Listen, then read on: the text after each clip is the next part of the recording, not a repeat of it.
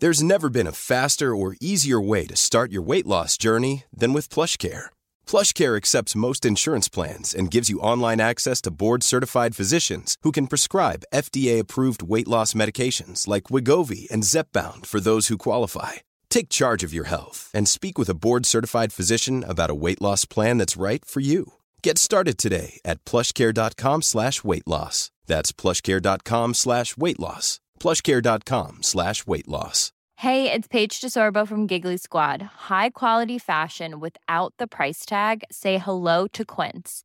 I'm snagging high-end essentials like cozy cashmere sweaters, sleek leather jackets, fine jewelry, and so much more. With Quince being 50 to 80% less than similar brands. And they partner with factories that prioritize safe, ethical, and responsible manufacturing. I love that. Luxury quality within reach. Go to quince.com slash style to get free shipping and 365 day returns on your next order. Quince.com slash style.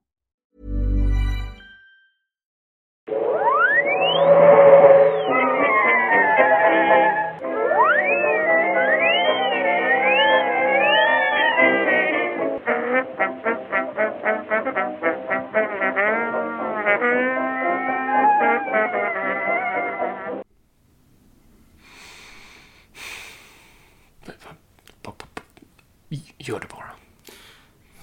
Ja. Ja, ja. Då börjar jag bara. Ja, eh, eh, kan du skicka kaffet? Starkt. Svart. Stort, ja precis. Ingen... Ja. Sorry allihopa. Jag ber så hemskt mycket om ursäkt. We overdid it. Vi... Det var storhetsvansinne. Det är av sin renaste sort. Det Vi- gick inte alls. Vi tog bokstavligen talat ut segern i förskott och vi... eh, Ja, vi trodde vi kunde bara leva som vi ville utan regler. Världens största franchise och nej men vi, vi kan bara winga allt det här och inte behöva göra någonting. Eller hur? Prata leksaker. I 45 minuter. Yes. Utan bildreferenser, ingenting. Nej, bara så här, kommer du ihåg den där som du hade? Ja. Kommer du ihåg den där jag hade? Ja. Lasersvärd. 45 minuter. Yeah. En timme säkert, om man slår Eh. ihop allting annat. Ja, avsnittet var ju typ 2.45. Ja, nej, hur mycket content var det? Det här är 25 procent? Eh, noll. 20 procent? Ja, men ens det. Och det är tack vare frågorna. Ja. Inte tack vare oss. Det är sådär Viktor, man är på Nyhetsmorgon och så går det upp till ens huvud och så ja, vaknar man upp med en död prostituerad i sitt badkar. Hästhuvud Det- i sängen. Ja, allt det där. Kastar ut tvn från hotellrummet. Ja. Hästhuvud i sängen var ju fel referens, jag bara skulle ta någonting. Yes. Det är ju inte riktigt det som rockstjärnor gör sådär. Na, någon kanske har gjort efteråt. Ja. Biter, biter huvudet av um, En fladdermus. Mm. Fast det var inte meningen för han trodde att det var en, en eh, plastfladdermus. Plastfladdermus, precis. Skyller han på. Det måste varit en chock i så fall. Ungefär som man dricker Sprite när man tror... Eller jo, fast eller tvärtom. Det är värre att dricka kolsyrat när man tror att det är Sprite. Mm. Kontra att dricka Sprite när man tror att det är kolsyrat. Mm. Nej, just den här chocken. Man Ja, tror man att det är någonting. tror att det är någonting. det är- Bara, "Bah, bah, vad händer där? Hela hjärnan bara, Ja, "Uff." ja, det Ja, jättemysko. Det, är- det är så vår vecka har varit. Men, ehm, ja. Hänt något annat i veckan? ehm, ja, vi, vi vann. Ja, just det. Hej och välkommen till podcasten Nörden och jag. Det är jag som är nörden, Fabian Olander. Och det är jag som är jag, Viktor Engberg. Det här är podcasten presenterad av Moviesin.se där vi pratar eh, nördkultur, nördämne, slags bildande syfte. Jag, försöker, ja, där jag försöker bilda Viktor i saker han tycker om, men inte vet så mycket om. Oftast, disclaimer på den. Precis. Eh, vi, vi vann! Vi vann! Svenska podcastpriset. Eh, vi vann inte Svenska podcastpriset, men vi vann i kategorin bästa, årets bästa film och TV. Det är helt sjukt. helt, helt sjukt. Det är helt, det, men det är helt sinnessjukt. Jag, jag kan knappt fortfarande förstå det. Och, ja, och det är ju bara er lyssnares förtjänst. Alltså vi kan inte, alltså, vi kan ju inte säga att det är vår prestation i den här podden. Det är ju liksom, det är ju ni. Och det var lite det vi tänkte vinkla för förra avsnittet var bland det sämsta vi någonsin gjort. Alltså, det, jo, titta inte. Det är alltså förra avsnittet. Det är som avsnittet som, liksom, som folk nu i efterhand har lyssnat på när, vi, när det kommer ut och säger ja men Nörden och jag vann TV och film, årets bästa TV-film. Så har vi märkt liksom på siffrorna att folk går tillbaka och lyssnar på det här. Ja, vad är det här för podd? Och så lyssnar de på förra avsnittet. Där vi mer eller mindre sitter i två och en halv timme och pratar våra egna leksaker. Det är liksom helt irrelevant på alla Det- sätt och vis. Vet vad? Det, det, det, det är som fin metafor. Det är, det är Star Wars Episod 1. Man tar ut segern i förskott, tänker att folk kommer älska det här oavsett vad. Och bara liksom wingar spränga det och k- kasta in en Jar Jar. Och som tack, tack till er lyssnare då, som ingen har egentligen klagat. Det var någon som twittrade ungefär som att, ja, intressant att ett Star Wars-avsnitt kan typ handla om 15% Star Wars, men det var bra ändå. Eh, Så det är inte så att det är ni som har liksom, men, men vi bara insåg det själv. Vi till och med vi döpte avsnittet till eh, Pod, Pod Strikes Back, Bad. Bad, liksom. precis. Eh, Så att det, det var ju inte ett bra avsnitt, det var det inte. Nej. Så, så därav tänkte vi nu ge er som ett tack. För det första, stort satans tack för alla röster. Ehm, så tänk, vi, vi gör om och gör rätt. Vi gör om och gör rätt, det är så man lärde sig man skulle göra. Vi tänker i det här avsnittet därför prata om precis samma sak som förra avsnittet, fast på riktigt. Och den här gången så blir det Cats and Dogs Living Together. Vi slänger ihop alla effekter vi bara har på skärmen. Vi gör en Episod 2, fast i positiv bemärkelse. Vi har ingenting liksom avskalat och, och så, utan bara green screen och sjuka djur och Precis. elefanter och björnar som hoppar genom brinnande ringar. Nu är det liksom Star Wars. Nu är det Star Wars på riktigt.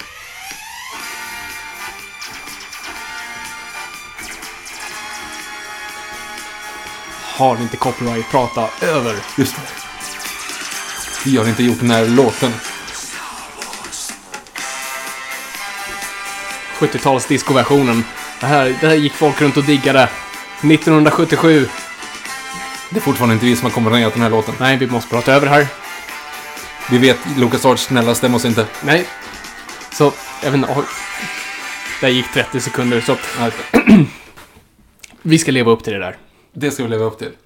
Eller hur? För det här är fullspackat. eh, Fullspackat. Fullspack. Och så tog du flinspackel och så fick det... Robert Gustafsson-sketch. Ja, jätterolig om man, om man har samma referenser. Jag var nära att gå dit igen. Jag ber om Yes. ursäkt. Så, okej. Så, vi har gäster.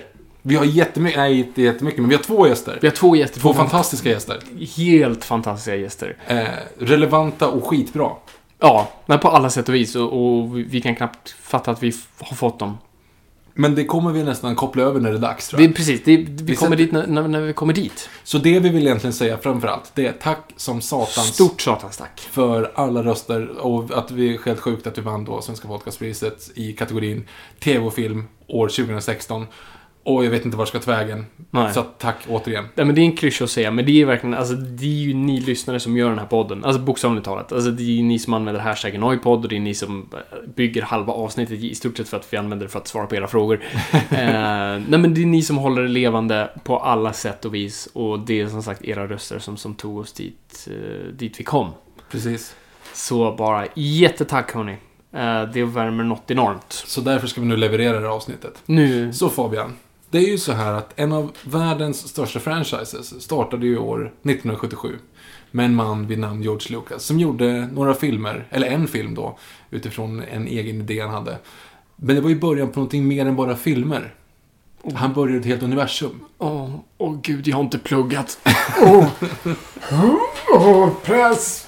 Okej, eh, det är ingen press på dig så. Jag, Nej, jag vet att du kan, du kan det här ganska by heart nu. Ja. Jag har tvingat dig att plugga de senaste två veckorna. För att det inte ska bli likadant som förra gången.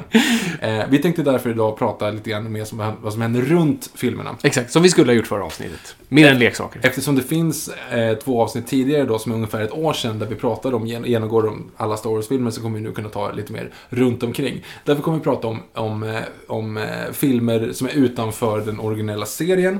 Eh, vi kommer prata om serietidningar, vi kommer prata om fanfilmer, vi kommer prata om sådär, inte tv-spel, för det pratade vi jättemycket om förra gången, vi kunde ingenting, så vi skiter i det. Så därför kommer vi gå igenom lite grann lite enklare, med då hjälp av gäster. Så Fabian, icke-officiella, så att säga, de är okej, de är officiella, men, men filmer kring Star Wars-universumet, vilka tänker du på? Ja, alltså man, man tänker ju inte... Alltså man tänker ju verkligen bara alltså episodfilmerna och nu Rogue One. Men Rogue One är ju faktiskt inte själv i att vara en sån här Star Wars-story runt omkring. Precis. Om ett gäng rebeller som ska slå tillbaka mot ondskan. För det kom två filmer på 80-talet. också. Exakt! Om Ewoks! Ja, det, den... Har du sett någon av dem? Jag har det när de, det var någon som gick på TV när jag var hyfsat ung, om det var Kanal Plus eller om det var någonting annat. Eh, nej, det var inte en Star Wars porrfilm, utan det var, det var Ewoks-filmen. och eh, jag, jag bara kommer ihåg, för jag visste inte att de existerade och jag blev så chockad när jag såg det, för att, men det här är Star Wars, men det, det är fult. och jag känner inte igen det här. Men det är som den här typ tv-serien Land of the Lost. Det var samma, samma Ja. effekter. Det var liksom en... Det fanns vissa riktiga så här, skogsscener, annars var det jättemycket studio och så var det handdockor och så var det bara de Väldigt Ewoks. mycket stop motion kommer jag ihåg. Så här Ja. Dålig stop motion från 80-talet. Mm. Kommer du ihåg titlarna på de här filmerna? Mm, det borde jag heta. Jag, jag, åh gud. Någonting heter ju typ Return of Endor eller något sånt Mm. där. Och sen andra heter typ nästan som Wrath of Khan, fast ändå inte. Mm. Och där, men Ewoksen, de blev ju lite som en sån här, alltså det var ju nästan som Minions för sin tid. Mhm. För de var ju så, eller i alla fall George Lucas tänkte ju att de var ganska populära. Så han gjorde ju, eller han gjorde inte, men i alla fall under Lucasfilms bara liksom ribba så, var, så gjordes de här två filmerna. Och sen gjordes ju den här tecknade serien också. Uh, som jag nu kommer, kommer ihåg. Den hette också Ewoks. Ja, precis. Ewok. Så att de, de verkligen satsade stenhårt på Mm. dem där. Och det är därför jag har lite svårt för dem i Episod 6. För det känns som det här kom leksaken och tog över lite. Mm, men det var ju det. Ja, absolut. Det- Så det, så- för det gjordes i alla fall två filmer. En gjordes samma år, eller året efter, som eh, Return of Jedi. Mm. Och sen en gjorde då två år senare. Och det är ju liksom, de, de är helt farfetched. Jag tror till och med att folk är från jorden. Du vet, alltså det är Ja, ingenting nej, som jag säger. Och jag kommer att jag såg, eh, jag såg också den på Kanal Plus. Jag tror att det är tvåan. Ehm, och det är liksom, det är ju tv-filmer. I USA var det bara tv-filmer. Mm. I Sverige så var de ändå lite upphaussade. Som sändes ju på tv som liksom en Star Wars-film. Liksom, Mm. så. Vi gick inte på bio här heller. Men, men det var ändå lite upphaussat. Och det är helt, alltså det är ju redan där man börjar fundera på de här Special Edition George Lucas liksom. Vad gör han egentligen? Vet, vad gör han med sin satans licens egentligen? Nej men verkligen. Nej, jag, jag kan fortfarande inte förstå, men det, det, det, det känns ju lite som, precis som Christmas Special, någonting som han har grävt ner. Ja, de, de finns ju inte att hitta. Alltså du, det är jättesvårt att hitta de officiella och köpa dem. De kanske finns liksom bootläggare någonstans. Ja, det gör de definitivt, men det går Mm. absolut inte att köpa. Lucasfilm har valt att bara gräva ner dem där, de tillhör inte. Så jag vet inte om de räknas som canon längre, för att det, det förändrades ju när Disney köpte. Mm. Eh, Men, men det är ju ingenting, det, ingenting står ju på spel i den. Alltså Nej. det är inte så att det Nej, det finns inget- någonting liksom Nej, och det är inget som spelar till den större storyn om Nej. universums existens eller imperiet eller något sånt där. Det kommer ju några människor och landar på Endor och Mm. träffar Ewoksen och de är liksom jättesöta och sen så typ är det någonting Det är typ såhär sånt onda trollkarlar och Ja, grejer. det- alltså, ja, det är- Jätte 80-tal. Det är typ som Labyrinth med. David. Bowie. David Bowie. Ehm, nej, så att det, det riktigt underlig period för Star Wars. där. För det är ju det, alltså Star Wars ansågs ju vara passé efter Return of the Jedi. Så det var ju ett sätt på något vis att försöka hålla kvar varumärket. Mm. För att då var det inte som idag. Har du en franchise, du bara fortsätter att pumpa ut det verkligen tills intresset dör. Men de såg det som en trilogi och sen var det över. Jag måste fundera, alltså det måste vara speciellt ändå om man liksom var överhuvudtaget bara ett fan innan internet-eran. Alltså om man bara tänker utifrån det perspektivet. För idag kan man ju verkligen googla fram det, kan man ju inte då. liksom. Ja, gud. Glad att jag ändå är lite, lite glad att jag är född nu ändå. Jo, faktiskt. Det, det, Star Wars-mässigt kom det mycket skit just som vi var tvungna att dela med. Men ändå, det, det har Mm. gått bra ändå. Rogue One. Rogue One tillhör i alla fall en sån här, alltså det vill säga en film som är canon men utanför, eh, Mm. Utanför konceptet. Eh, det har ju också kommit eh, tv-serier på liknande sätt. Ja. Jo, men det var ju... Jag, kommer du ihåg på för, för alltså, mitten på 2000-talet så var det snack om, jag tror, ja, kanske strax efter Episod 3 då. eh, att det skulle komma en liksom live action tv-serie. Det kommer jag inte ihåg. Men okej, nej men det, det var det typ tänkt ett tag. Och det var det som skulle faktiskt vara typ Episod 7, 8, 9 som jag förstod det. Det skulle vara liksom Mm. fortsättningen med originalskådisarna. Så som jag, eller det kan också vara tänkt att det skulle utspela sig typ mellan 3 och 4 eller något sånt där. Men jag har för mig att det verkligen var så Anthony Daniels heter han väl som spelar Mm. C3PO. Han var den enda på IMDB som var så här creditad som så här rumored. som skulle vara med. Vilket jag antar bara utgick från en uteslutning till Toa. Ja, han kommer troligtvis vara med. För att han är ändå en av de få skådespelarna som gör typ alla grejer. Alla tv-serier. Alla tv-serier, om det är Clone Wars eller om det är Yoda. Chronicles. Yoda Chronicles, Lego Yoda Chronicles. Det, det är han. Då är han där. Han är liksom den enda som säger ah fuck it, det här är min karriär. Men det är ganska schysst av honom ändå att inse det. För att jag menar, han har ju inte, han har ju inte gjort speciellt mycket annat. Det är ju liksom, om man kollar hans IMDB credit så är det jättemycket Star Wars-relaterat. Ungefär som Ahmed Best också. Jar Jar Binks. Ja, precis. Mm, precis. Ja, men där också. Alltså 60% där, Jar Jar. Mm. Eh, och samma sak med Anthony Daniels. Definitivt. Och som du säger, det är lika bra att omfamna det. Och han kan ju troligtvis leva på det. Mm. Alltså han får nog ganska bra med pengar för de där grejerna.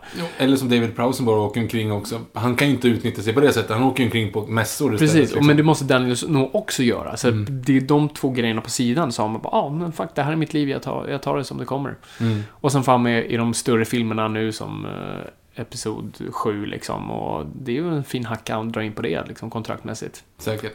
Man hade kunnat, alltså man hade kunnat skippat honom helt liksom. Ja. Jag antar att han inte har jättemycket att förhandla i lönemässigt. Eller så. Nej, kanske inte. I'm going. Ja visst, vi har ju typ hela ditt ljudbibliotek och CGI och du har skrivit i stort sett ditt avtal med Lucasfilm i blod att de äger dig. Det är ju det här klassiska skämtet, alltså, för det är ju så, alltså, när de skrev på avtalen för leksaker och sånt där, det, det, alltså, de har ju sålt sin själ i stort sett. Och det är väl Carrie Fisher Carrie som Fisher drar ju det jätte... Hon drar det skämtet varje gång, men det är fortfarande väldigt kul. Det är ju så här, varje gång jag kollar mig själv i spegeln måste jag ge George Lucas 5 dollar. Och det, det, det är ju typ sant. Ehm, de har verkligen skrivit av sig alla de Så jag vet inte ens om de får några liksom så här stimpengar på när de används i serietidningar eller i leksaker. Jag tror fan inte det. Jag tror liksom allting går. Som sagt, eh, franchisen har dragit in 28 miljarder, 12, varav 12 år på leksaker. Liksom. Precis. Det, ja, det är Nej, jag tror inte de smakar de pengarna. Undrar hur det är med, med nu Daisy Ridley till exempel. Alltså det är ju, det är ju andra deals, så då kanske det kanske finns... Alltså jag tror, antar att man inte sätter sig, man, man skulle ju aldrig sätta sig emot. Om de skulle ringa dig och säga Hej Fabian, du är med i en Star Wars-film. Jag är en actionfigur! ja, precis. Och du hade ju inte liksom, nej. Nej, exakt. Du får vara med om, ni nu, om vi nu får vara alla pengar på din actionfigur. Du hade ju inte sagt nej till det. Nej. Du hade försökt sitt-stakeat liksom. Och jag tror knappast att Johnny Boyega och Daisy Ridley liksom har sagt nej, vi är så stora stjärnor att vi klarar oss utan er. Liksom, inte en chans. Nej, precis. Det var ju Alec Guinness som förstod det bara då, när det var från början. Liksom. Ja, precis. Fast jag tror han bara fick pengar för filmerna, inte så mycket leksak. Nej. Det var så. Jag tror det. Mm. Att det var en sån där Jack Nicholson-deal, procentenheter på, eh, på filmen. Men, ehm, ja, nej, men sen tv-seriemässigt då, sen, på, sen efter Episod 3 då, då började, då, då var det ju samma sak där. Då blev det ju helt plötsligt, ja, vad gör vi härnäst? Nu Mm. dör ju Star Wars lite ut, nästan efter ett decennium igenom en trilogi. Så då, främst då började vi titta på Clone Wars. Är väl den serien som, som, som jag vet också att barn än idag tycker om. Jag pratade med en förälder här om veckan bara. Och vi pratade Star Wars och hon sa Ja, min, min, mitt barn älskar Star Wars. Och jag sa, ja, vad kul. Och så pratade vi lite Star Wars och så sa jag, ja gud, så han måste vara jättetaggad på Rogue One nu. Och hon sa bara, nej, nej, han, han, vet, inte- han vet inte ens att den, den kommer ut. Mm -hmm. Jaha, han, han kollar bara på Rebels och Clone Wars. Det är liksom hans grej. Ja. Så Eh, det var ju också en ny generation som kommer komma från helt andra hållet. Mm. Filmerna kommer vara så jävla tråkiga. Lite, bara, eh, lite stickspår, vi ska komma tillbaka till Clone Wars. Bara, det finns ju en, en, eh, en intervju med Mark Hamill, eh, den är från typ 1980. Alltså det, jag tror att det är Mm. i lanseringen av Empire Strikes Back. ja. När han sitter och berättar i en sån här talkshow då liksom och så bara Ja, det var helt sjukt. George Lucas ringde mig och frågade så här, kan du tänka dig att spela en Obi-Wan-karaktär in, in, i en film? Så här, om, om några år. Mm. Han bara, ja kanske det, men vilken, eh, vilket år pratar vi om? Ja, men typ runt 2011. Mm. Och det, alla bara garvar så här, åh, 2011, då är jorden gått under. eh, det är ju liksom, man måste ge det ändå till George att han hade ju idén, liksom. Ja, absolut. Och det har jag förstått mer. Jag kommer komma in på det när man kollar hans first draft på Star Wars. Där det här universumet var ändå byggt. Vi har ge honom mycket skit på att han liksom Mm. verkligen bara wingar det. Jag kommer ihåg att vi, att vi bashade honom ganska hårt i de gamla Star Wars-episoderna. alltså, yes, och mycket är fortfarande liksom korrekt. Mm. Men eh, det var nog mer uttänkt än vad vi kanske trodde. Men vi kommer komma tillbaka till det. Förlåt, därför ska vi gå in på Clone Wars igen. Clone Wars. Har du sett Clone Wars någonting? Jag har sett eh, typ tre avsnitt, för att jag visste att du kollade Clone Wars, så att Ja. då fokuserade jag på någonting annat att plugga på, och då blev det Lego Yoda Chronicles istället, som Vi jag tyckte var helt fantastiskt. Vi kommer in på den också. Nej, men jag, kollar, jag har inte sett så my- mycket mer än vad du också har sett på Clone Wars. Mm. Eh, bara kolla, han kollar det lite snabbt, se om, se om jag fastnade. Och, alltså, den gör både bra och dåliga saker. För att, alltså, jag tyckte aldrig att filmen Clone Wars beskrev den känslan jag fick när Obi-Wan pratar om The Clone Wars Nej. I första Star Wars-filmen.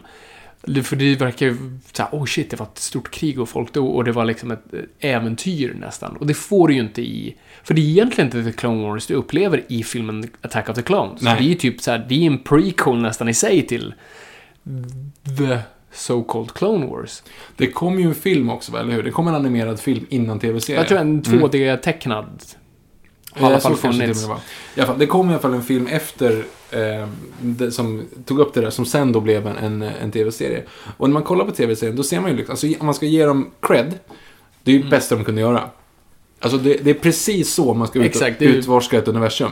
Helt klart. Alltså man skulle inte liksom, The Adventures of Jar Jar. Alltså det hade inte... Nej, och inte fortsätta efter trean och inte göra något sånt där. Nej. Utan det är liksom det perfekta, det här liksom lite, det som inte vet om. Mm. Och det som inte förstör låren på något sätt. För de, de, de, de har ju berättat ju om att, ja men, that time when we fell into that nest of Gongarns. Ja, okej. Alltså, de här grejerna vill man ju se. Precis. Eller vill och vill, men man kan se dem i alla fall. Och det förstör ingenting i övrigt till låren. Så de är ju helt fantastiskt i det. Mm.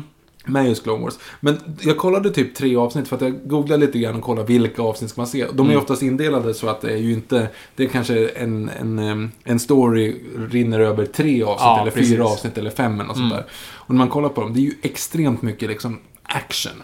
Ja, det, det slog ju mig också direkt. Det är från liksom sekund nummer ett. Bara, Mm. Det smäller ordentligt och det är ljussablar överallt och Yoda kan slåss. Och...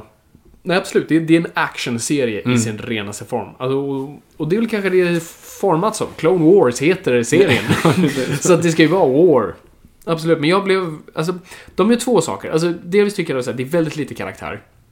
Det är väldigt mycket bara pang, pang, pang, pang, pang, pang, pang. Men det de gör rätt är faktiskt relationen mellan Obi-Wan och Anakin. Där ser man faktiskt, ah, de här var polare. Ja, precis. De, de gnäller inte bara på Nej, precis. De klagar inte som ett gammalt par. Eh, på liksom vad den andra gör och inte gör. Och så det tyckte jag var rätt skönt att se. Okej, så det är den här relationen han pratar om. Det är nå- jag vet inte om- det var Red Letter Media, men det är någon som har gjort ihop klippet när He was a good He friend. was a good friend och så klipper man till liksom deras stunder tillsammans och framförallt slutet mellan dem. Eh, och det är ju den känslan man har. Bara, Nej, det här var inte bra polare alls. Nej, men, Men- det, finns, det finns ju ingenting på skärmen i tvåan och trean som gör att, att Obi-Wan egentligen tycker om honom. Mm. Och, han, och Anakin verkar inte tycka om honom heller. Alltså det är bara så, Nej. He's holding me back. Ja. Alltså, det är det enda man får reda på. Tre repliker in i Anakins eh, story arc i tvåan så säger ju han att Obi-Wan trycker ner honom. Liksom. Mm. Ja, precis. Så det är det första vi matas i huvudet, att de inte är kompisar. Exakt, exakt. Nej, verkligen. Och det tyckte jag var så skönt att se i Clone Wars. Bara, Okej, de här är polare. De jobbar tillsammans och ja, men de är på olika uppdrag. Sen är det lite weird att Anakin har en uh, Padawan. Ehm, Ja, okej, men de måste ju få in lite mer karaktär. De kan ju inte bara de två Nej, som nej, man nej, jag bashar köper på. det. Men det, är lite weird bara för att baserat på hur han är i filmerna så skulle de ju aldrig ens ge honom det ansvaret. Han borde inte ens ha ett, ha ett lasersvärd liksom. Nej, exakt. Men, men alltså, jag kan ju inte ge en större bild av Clone Wars för jag har inte sett hela. Det finns typ sex säsonger eller mer, så det, den är jättelång. Men jag vet att ungar älskar det. Jo, men Och- sen så... Just leksakerna gör ju en helt annan grej också. Det, Mm. alltså, allting handlar om leksaker. Hela Star Wars handlar om leksaker. Yes. Bygga sina egna universum och sådana saker i Mm. efterhand. Och Clone Wars är ju ett ganska schysst grej för att du, du kan ju göra dem ganska vänliga så att säga. Alltså Mm. de är väldigt kantiga. Ja, Karaktärerna är väldigt eh, speciella på sådana saker. Då kan man designa på ett helt annat leksakssätt. Helt. Ehm, om man kollar till exempel, vi var ju nere på BR nu Mm. och letade efter Bamse-leksaker. inte till mig. Nej. eh, nej, och då så kollar man liksom de här gamla Clone Wars-leksakerna. Finns ju fortfarande, och Rebels-leksakerna, de är liksom animerade. Kontra de Rogue One-grejerna som finns. Mm. Och Rogue One-grejerna, det är ju ganska tråkiga. Alltså, det är ju liksom små gråa gubbar liksom. Ja, i avancerade soldatgear. Alltså som är liksom, som, ja, ser ut som de gör i filmen. Det är jättecoolt i filmen, men som leksaker väldigt tråkigt. Alltså Precis, det är som en jedi-robe också. Snubben har en morgonrock på sig. Jo, men då, då kan man ju ändå leva ut det lite grann i, i eh, Mm. animation. Sen tycker jag dock, måste säga, att de är väldigt dåligt animerade. Alltså väldigt styltigt. ja, Det är ju massproducerat förvisso, men Precis, det är ändå för det är liksom... någon dyr serie att göra för de måste verkligen göra stora actionscener. Ja, nej precis. Det ser, alltså, det ser ju ut, designen ser ut lite som Hercules i 3D nästan. Det är som du Mm. säger, det är väldigt kantigt och sånt där.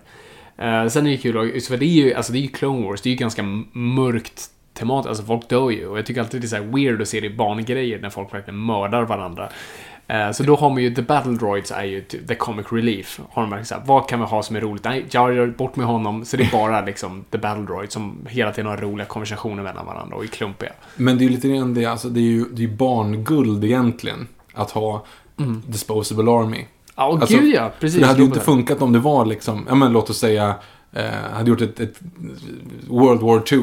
Samma, samma, likadant animerat, men liksom Mm. att man skjuter tyskar istället. Alltså du vet, det hade inte funkat överhuvudtaget. Nej. Det är så jättetacksamt. Och dels att du har ingen ansikten på klonerna.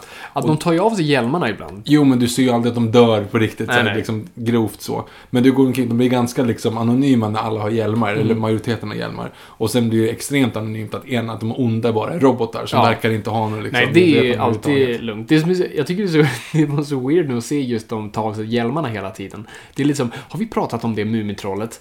Uh, Jag tror att vi har nämnt det, men det var väldigt länge sedan. Det är fortfarande lika igen. weird. Det är så, li, det Det är så så weird. På, på 90-talet så fanns det en finsk-svensk, eller finlandssvensk, eh, otecknad Mumin-tv-serie. Japp. Där de gick runt i liksom dräkter som du ser på Parken Zoo eller något sånt där.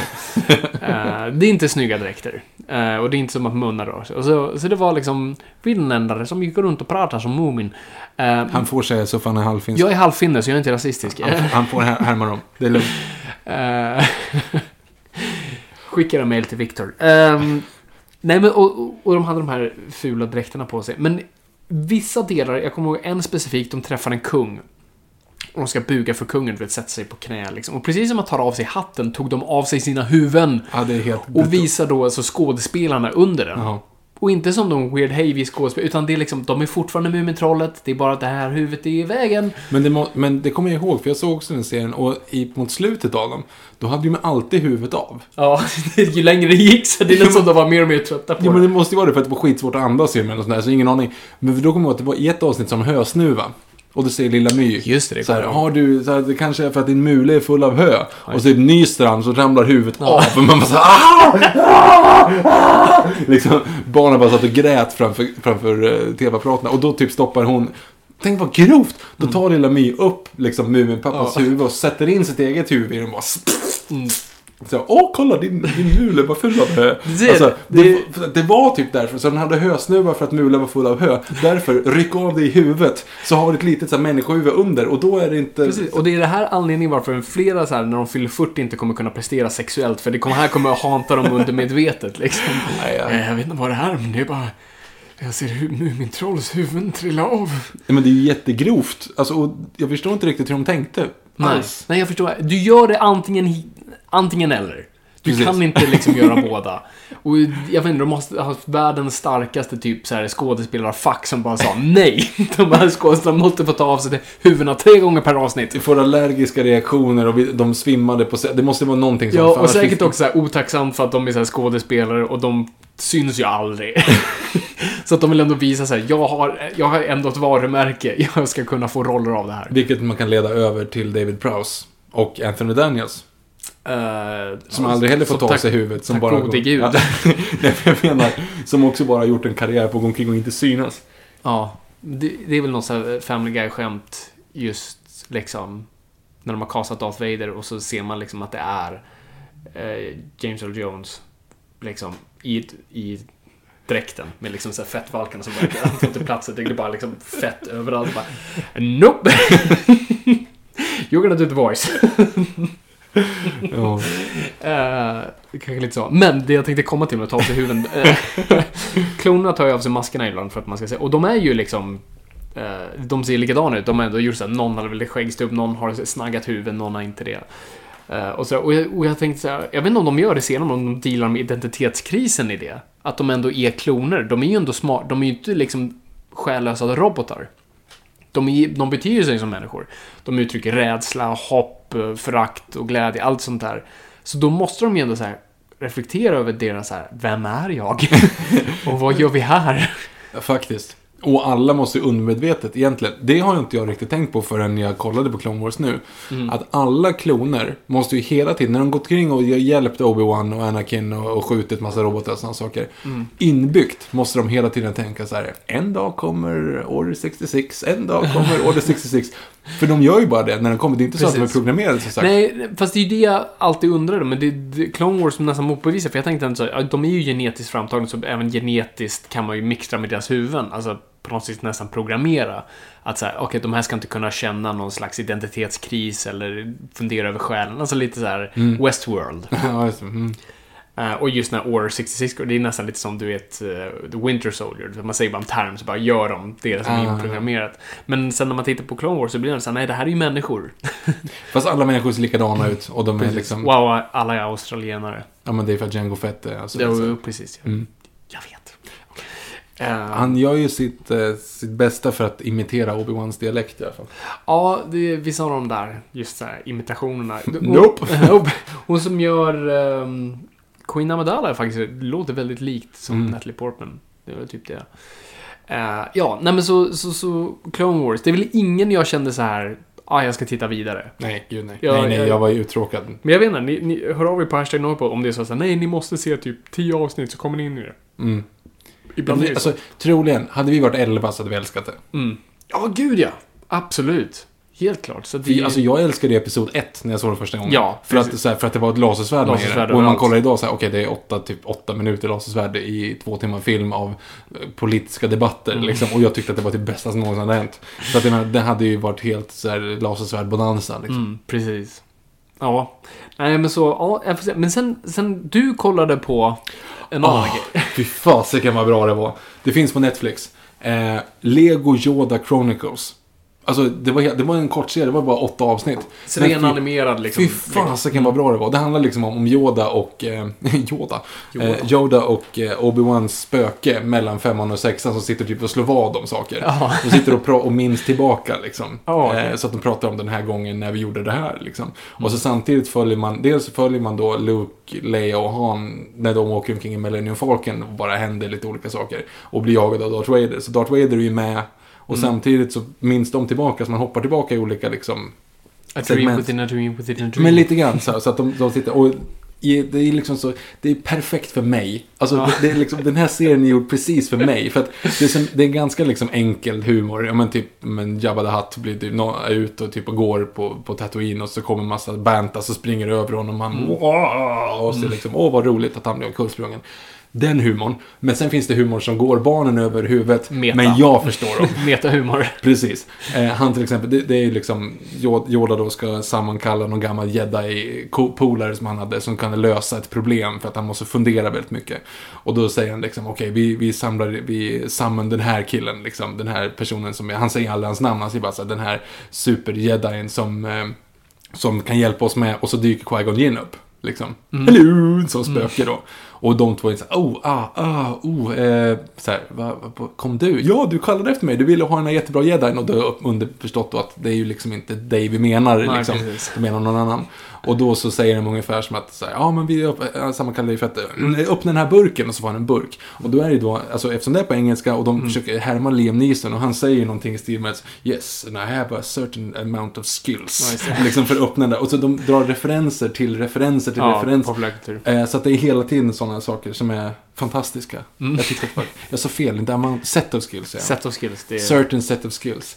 Eh, Som Taken-referens då. Så det- är liksom sådana saker som flyger barn över huvudet, men det är för mig. Precis, det är som så här Shrek-filmer. Man liksom har roliga liksom, prutthumor för barnen och sen drar ett Gudfadern-skämt i mitten av alltihop. Precis. Eller liksom i första, vad kompenserar han för? Alltså penisskämt i stort sett. Mm, Precis, ja men det, gör det bara i, i stort sett. Runt eh, nej, men, och Darth Vader är också liksom en clown genom Ja. alltihop.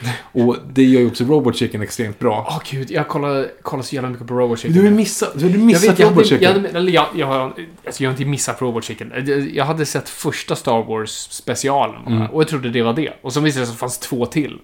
Så jäkla bra. Jag helt har missat. Och, jag, Och, och det tar en del ifrån det liksom som det kan ha funnits där. Precis, vi diskuterade just att de, de plockar nästan bara bitar av, just det här, vad händer när Boba Fett landar i, liksom, eh, på att säga Rancor. Sarlacc. Pit. Och då är det ju liksom så att han liksom, han, han pratar med killens medel och han pratar som att, han- när han menar då att landa där, det var liksom, det var poängen. och sen att han gråter. Eh, så- Eller, eller när eh, Darth Vader ringer efter att ha blivit ivägstumpad där i, i, fem- i eh, fyran. Ja, just det. Och liksom när han ringer till Palpatine då, Mm. liksom så här, så här Vart är du? "Nej, Du har åkt omkring ute i, i, i rymden i sex veckor. Du måste ju lukta apa. Liksom, vet. Och det, då, någonstans har han ju ändå gjort det. Han har ju fått kontakt med kejsaren efter snurrat runt i rymden jättelänge innan han har fått kontakt med. Precis, och bara sådana bra att liksom, kejsaren ska åka hiss. Vet du, och stormtroopen som inte vill åka trycker på knappen och så stängs den liksom. Och sen så öppnas den andra med alla de här squid face. Come on in! Plenroom! Uh, massa sådana här grejer. Min favorit när de kör på just, när en stormtrooper för första gången får testa en sån här, vad heter de, landspeeders? Ja, det är väl någon form ja, av en sån av där de där skogs- som är i, um, gud, nu hör jag- vad heter planeten? Det är inte jag. Endor. Endor. Uh, en stormtrooper får äntligen testa en sån där speedbike. Speedbike. Eh, och så kör han på en Ewok. som man måste liksom döda för att liksom ta, det, Det är ta den ur sin- din humor. Ja, det är så. Någonting vackert och gulligt som helt plötsligt blir väldigt makabert. Det, det går jag igång Nej, men jag, Den sketch- sketchen var länge sedan. Jag skrattar så... Det, det finns en där, absolut, man kan skratta så man gråter så det liksom rinner tårar. Men när du alltså, skrattar så att ditt leende för, förvandlas till liksom uppåt till neråt så du faktiskt gråter. Eh, för det är så roligt. Eh, så kolla det om ni inte har sett det. Sen, de har gjort också en DC Comics special också. Mm, alltså, den var inte lika rolig. Nej, den är inte lika rolig, men den har några riktigt bra. Men den är så inside baseball. Alltså det är så mycket liksom, de använder Starro och massa... Och sen har de ju ganska roliga, liksom, eh, det här segmentet. A real DC character. Ja, just det. Och det är bara Trust us, this is really real. så är det liksom är Mr. helt Banjo och ekorren i Green Lantern och sånt där. Eh, så den är också riktigt bra. Family Guy gjorde ju också en... De, det Seth Green jobbar ju både på Family Guy och på Robot Chicken. Mm. Så de fick ju också göra den här Blue Harvest-serien. Ehm, som Precis. också är liksom hela långfilmer fast gjorde Family Ja, den är ju inte liksom. sketcher, den går ju verkligen Ja. genom filmen. Och det har ju förstört filmerna mycket för mig. För jag såg ju om Return of the Jedi. Och du vet när de Okej. sitter såhär, och så nickar de, du vet. Och så tittar runt och så här nickar på allihop. Vilka är När, det? precis innan Luke hoppar ut för, mot Sarlacc och Archer alla- skjuter upp Ja, den just där. det. Ja, ja, precis. Och, och då är det så här, då håller de på hur länge som helst och bara tittar på varandra och nickar. Mm. Och då driver de med det och drar det i typ tre minuter i, den, i Family avsnittet Att de bara nickar mot varandra hur länge som helst och hur mycket folk som helst med. Det förstör ju. Mm. Helt, liksom. Och samma sak eh, när de skär upp Tauntonen. Mm. Den här. And I thought they smell bad on the outside. Och där har, de också ut i en minut. Ja, man sitter och andas hur länge som helst. Sådana saker förstör ju verkligen. Exakt. Fan, nu är vi tillbaka. Nu sitter vi och citerar saker som vi tycker Jag om. kom på det. Vi, vi kommer tillbaka. Eh, hur som helst, kolla Robot Chicken om ni inte har gjort det. Kolla jo- Yoda Chronicle, Lego Yoda. Precis. Sen kollade jag också Rebels lite. Mm. Och där blev jag positivt överraskad. Uh, där såg det faktiskt ut som de ville berätta en story, eftersom det är en ny story. Uh, det börjar ju typ med att eh, liksom Darth Vader vill verkligen ta bort alla jedi som är kvar. Och särskilt de som typ dyrkade jedi, så de som har potential och liksom förstå vad kraften är. Och det är lite det han är ute efter. Uh, så han skickar liksom en Sith person som vi aldrig sett tidigare för att göra det här. Och sen möter vi några unga rebeller och just det, en ung rebell som börjar liksom förstå att han har kraften. Han som är född typ dagen innan Luke, är det inte så? I tidsmässigt. Är det officiellt det? Ja, det är officiellt. Att Mm. han liksom, han är född typ dagen då Anakin Skywalker blev Darth Vader. Okej. Ja, det vet jag ingenting om. Men det, är så, det där fick jag lite såhär Batman The var så här, Det, de, fa- det var så många moment då faktiskt folk sitter ner och pratar. Inte George Lucas-style, utan faktiskt det är, så här, det är roliga diskussioner. Och den, den, den var liksom, den var genuin i sitt sätt att säga, nej men de här personerna ska göra gott.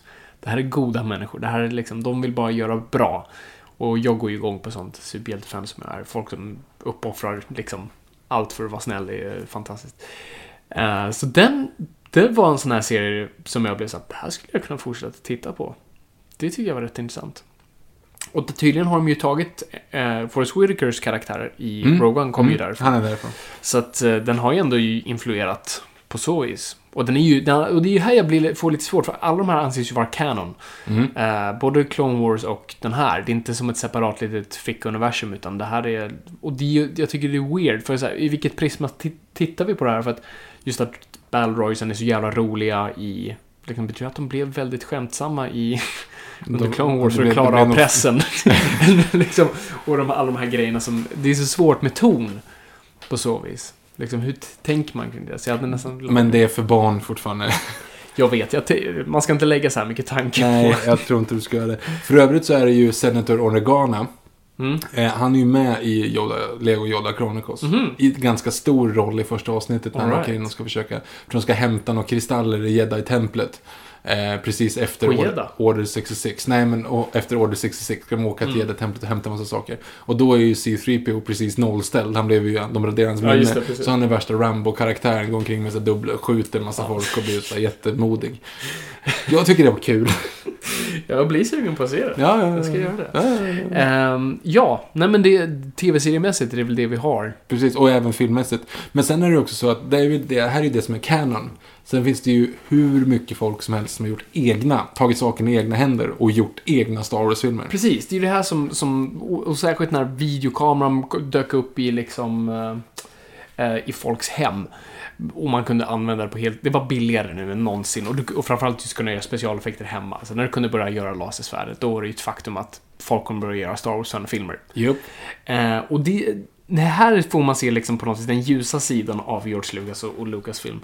Eh, för de vill ju på något vis ändå uppmuntra eh, ett sånt här beteende. Ja, det har han ju sagt i flera intervjuer. Alltså Ja, precis. han, hans eh, ursprungliga historia, och det är ju bara till för att sätta en grund. Och sen Mm. ska liksom barnen med leksakerna och lasersvärden och allting, de ska ju drömma sig ut i den här världen Mm. och hitta på egna historier. Precis. Men det var fortfarande så här svår grej för Lucasfilm, för det var en så balansgång med vad, vad man skulle göra. För att samtidigt så här, vi vill uppmuntra folk att göra sin egen grej, men de får nummer ett inte tjäna pengar. Nummer två, det får inte bli bättre och du får inte fucka upp saker för, för folk. Så vad Lucasfilm gjorde var så här, ja men vi, vi utser de bästa filmerna varje år. Och verkligen George Lucas är hu- huvudjuryn som avgör det här. Så varje år så liksom börjar de då uppmuntra folk, ja men gör era filmer, skicka in dem och så får ni liksom ett pris om ni vinner. Eh, men där blev det också svårt för att man började då, så då började folk bara göra filmer. Men helt plötsligt började de göra kanske en eh, Qui-Gon-film eller en Obi-Wan Origins eller något sånt där. Och då blir det så här, wow, wow, wow, wow, wow.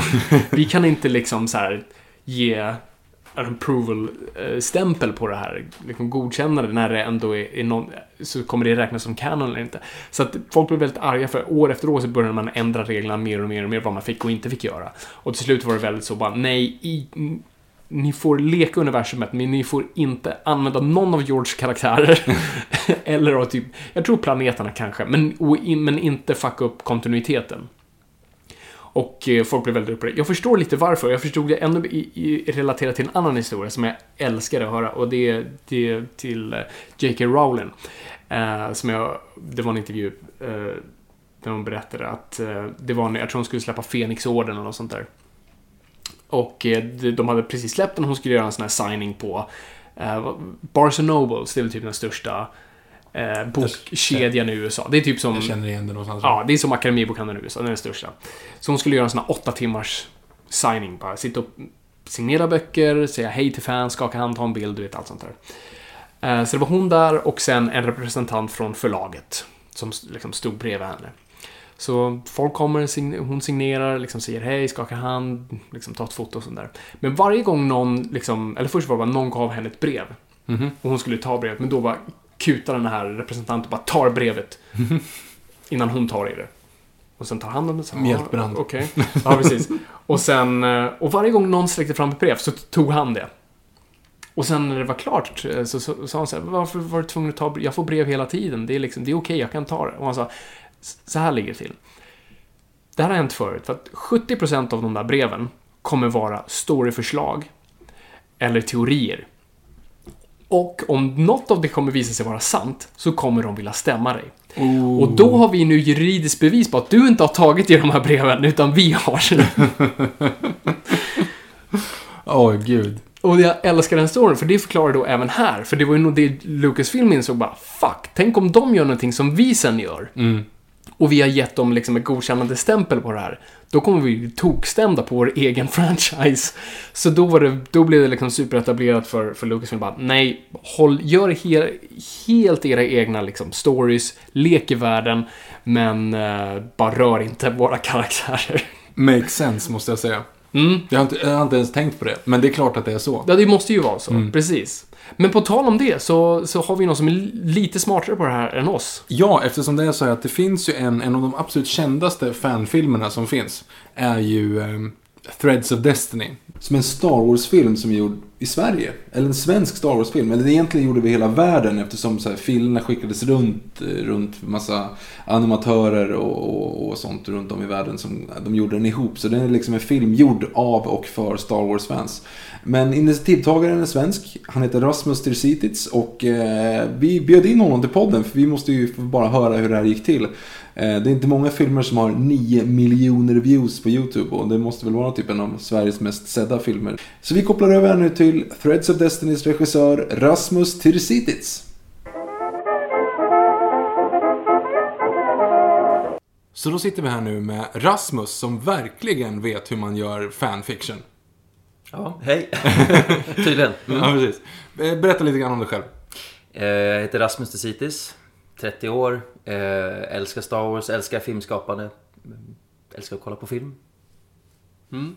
Om du bara berättar först lite vad du gör här, för du, du gjorde ju ett fantastiskt ambitiöst projekt för några år sedan. Som du bara, liksom, för den som inte vet vad det är för någonting, vad, vad exakt var det här projektet för något? Mm. Vi spolar tillbaka tiden lite. Eh, 11 år så hade jag precis... Jag skulle sluta gymnasiet. Och jag var jättesugen på att dra igång ett projekt. För att eh, åtta månader efter jag hade tagit studenten så skulle jag in i lumpen. Och tänkte, ja men jag vill ha ett litet projekt att sysselsätta mig med. Älskar Star Wars och hade sett jättemycket fanfilms och var väldigt fascinerad av det här konceptet att du spelar in din film med dina vänner men sen så är det folk utomlands eller andra människor som du har kontakt med internet som gör effekterna. För att jag kan inte göra några 3D-effekter eller någonting men om jag kan skicka materialet till någon annan som kan göra det, ah, spännande, då kan vi göra någonting med det. Så att då började vi då med projektet Threads of Destiny och spelade in hela filmen under hela hösten 2005. Och sen så tänkte vi, ja men gött, då klipper vi filmen, jag åker in i lumpen och sen eh, tio månader senare så är vi filmen färdig. så blev det inte riktigt, men eh, nio år senare liksom, så blev åtminstone filmen färdig. Och eh, då kan vi bara liksom bara snabbt dra däremellan att vi fick ju bygga upp en pipeline helt själva. Eh, hur vi skulle liksom färdigställa filmen med 3D-modellering, animation, texturering och compositing. Alltså allting har vi gjort från scratch. Även fast det är ett känt varumärke liksom som Star Wars så alla sakerna som är med i filmen har ju vi gjort. Även fast det är i 3D. Mm. Och det är folk som vi har varit tvungna att ta kontakt med för att göra de här sakerna. Ja. Vilka Gratis. Var, ja, Vilka var det som började? Var det bara ett kompisgäng sådär? Eller var det du som ligger bakom det? Eller hur, hur Det är jag som ligger bakom det och eh, tjatade med mig några polare från gymnasiet. Och så hade ni castings och alltihop för Mm. att sätta ihop det här. Precis. Hade, det var på sommaren där som vi mötte skådespelare som eh, läste ur manuset, repade, tränade lite på svärdsfäktningen borta vid Fridhemsplan, eh, ute i naturen. Och, ja, det var väldigt, eh, väldigt härligt och avslappnat då. Jag vet att vi var iväg vid en, eh, en skrot en gång också och eh, ryckte loss de här sätena som de sitter i, en, eh, på, i rymdskeppet där. Ja. Vad, handlar, vad, vad handlar storyn om då i, i den filmen du, du? Mm. Eh, den utspelar sig då 100 år efter eh, Return of the Jedi. Och eh, ga- galaxen är en, ännu en gång i fred och eh, The New Republic har etablerat liksom, som sagt, de har koll på läget. Och Jedis de eh, utbildas och så på den här planeten Järden. Men det finns ju självklart en motpol till det här goda och fina och det är ju Skenvi Empire som inte är alltför goda. Och de, eh, deras specialitet är att eh, få mindre system att ansluta sig till dem och då är det ett speciellt system som heter Corin som har en speciell malm som stärker krigssköldarna på skeppen som de vill ska ansluta sig till dem och eh, det vill ju definitivt inte The New Republic ska hända så de skickar dit två jedis att försöka förhandla med monarkin då som styr på den här planeten att ansluta sig till dem istället. Men då visar det sig då att eh, The Scandi Empire, de kidnappar prinsessan då och då är det jediernas uppgift att rädda henne. Och resten får ni se i filmen. Och, och där är det ganska kul, Ja. för när, när man ser det nu, det, fin- det är lite läskigt att det finns många likheter till Force Awakens, som Ja. då inte hade kommit ut. Nej, nej. Men det är många element där som man ser på att det där är ju ruggigt likt. Mm. Hur är det att se tillbaka på den filmen du gjorde nu efter Force Awakens? För den utspelar sig då Mm. också inte så långt efter som du passerade. Men hur kändes det att se Force Awakens? Mm, ja men alltså det, det var ju riktigt ballt. Jag tycker att den scenen som egentligen mest påminner om min, det är den här tortyrscenen. exakt. Ja, precis. tänkte Ja, också. ja.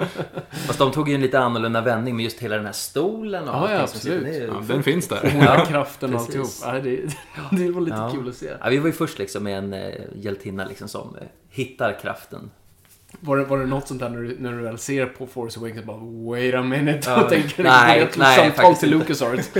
Nej, faktiskt inte. nej. Har ni fått någon form av respons ifrån LucasArts eller någonting sånt? Ja, de var jättesnabba där precis när vi hade släppt filmen. Då hörde de av sig och ville Mhm. liksom dubbelkolla med musiken som används.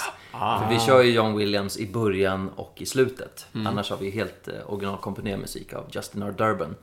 Eh, men då vill de höra liksom så här, ah, men ni säljer väl inte Soundtrack. musiken någonstans? Så jag var så här, nej, nej, nej. Vi har liksom musiken som till vår film. Den finns här och den får man ladda ner gratis. Mm. Men vi har inte eran copyright-skyddad liksom. Så att, eh, Ja.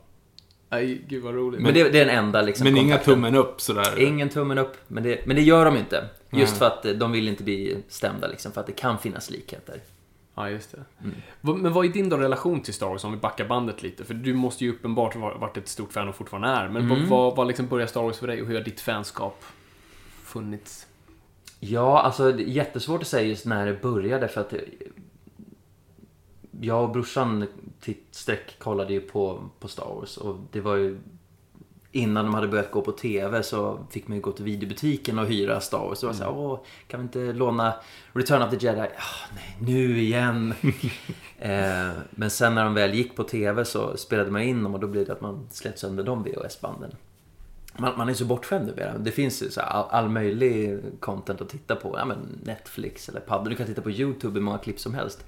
Då var det så här, ja, men jag vill se en bra film. Ja men Star Wars. Eller bara man vill ha någonting skönt i bakgrunden när man var liten och satt och ritade samtidigt. Då är det klart man slänger igång Star Wars. Hur, vad, vad var din främsta inspiration då? Vad tog du främst inspir- inspiration från när du gjorde din film då? För att jag, tycker man, man finner både saker från då originalfilmerna och prequel-trilogin. Det, det känns som en salig mix av båda, båda slags universum, så i form av design och sånt där.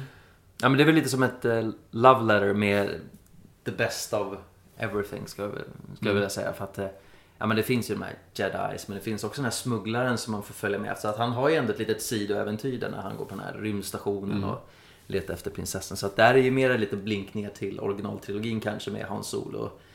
Ehm, men ja, nej, men vi ville försöka liksom så fånga det, det bästa av alla filmerna. Och det var ju precis samma år där då som ehm, Revenge of the Sith hade haft premiär liksom, så att folk hade inte riktigt börjat analysera sönder. Det här var innan YouTube så att det var Ja, det. innan alla vi- visste liksom de här eh, fundamentala felen med prequel-trilogin. Men det, ja.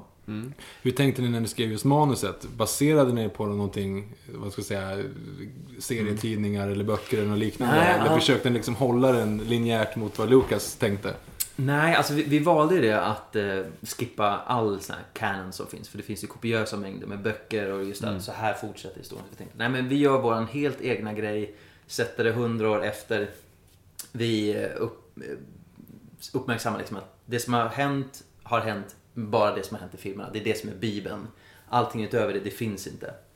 Eh, och den är baserad på en fanfiction som Michael Bano som var första manusförfattaren som han skrev typ 99 strax innan Phantom Menace. Så han sa så ah, nej, men jag har en gammal liksom, historia som jag skulle kunna damma av och som vi skulle kunna jobba, jobba om till ett manus.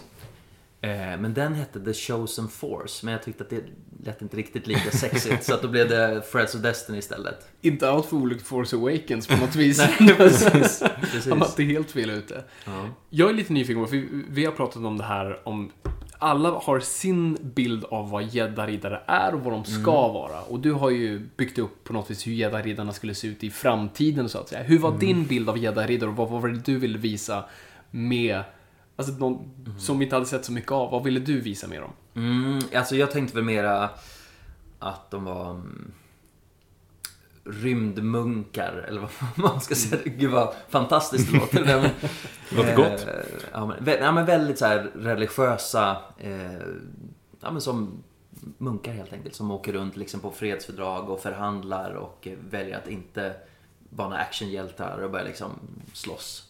Utan det var deras primära mål, liksom, så som jag såg det.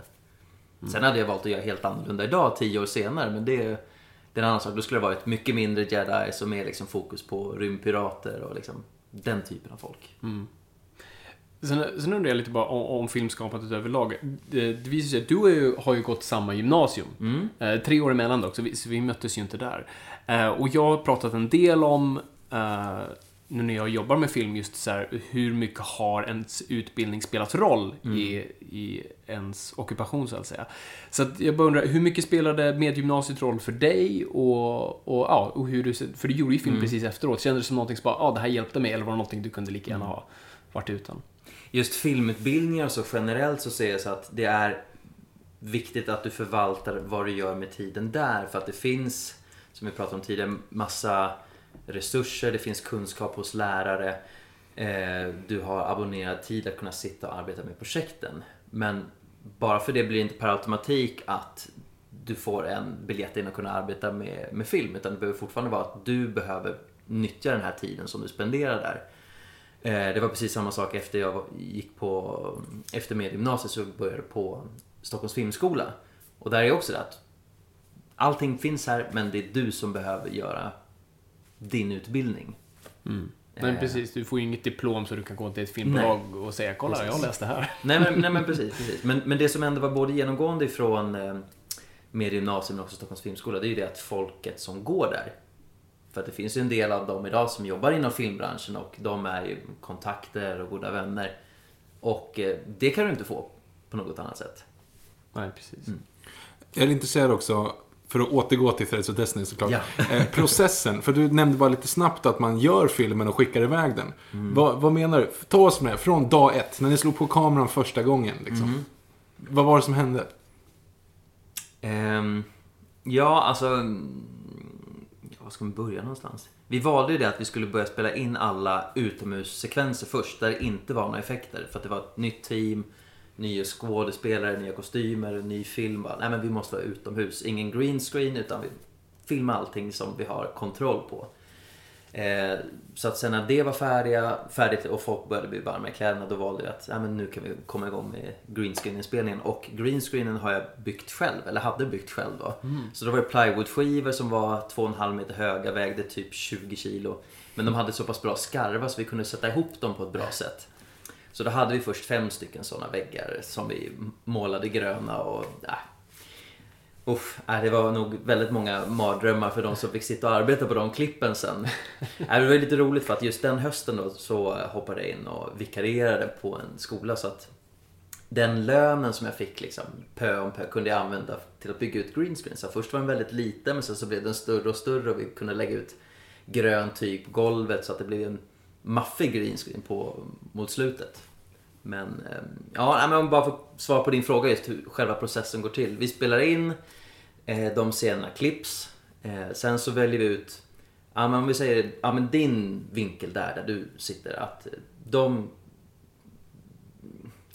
Ja, det stämmer inte riktigt heller. Först måste vi bestämma var befinner de sig någonstans de här karaktärerna. Så då behöver vi designa miljön, concept arts och sen så skickar vi det till en person som kan göra 3D-modellering.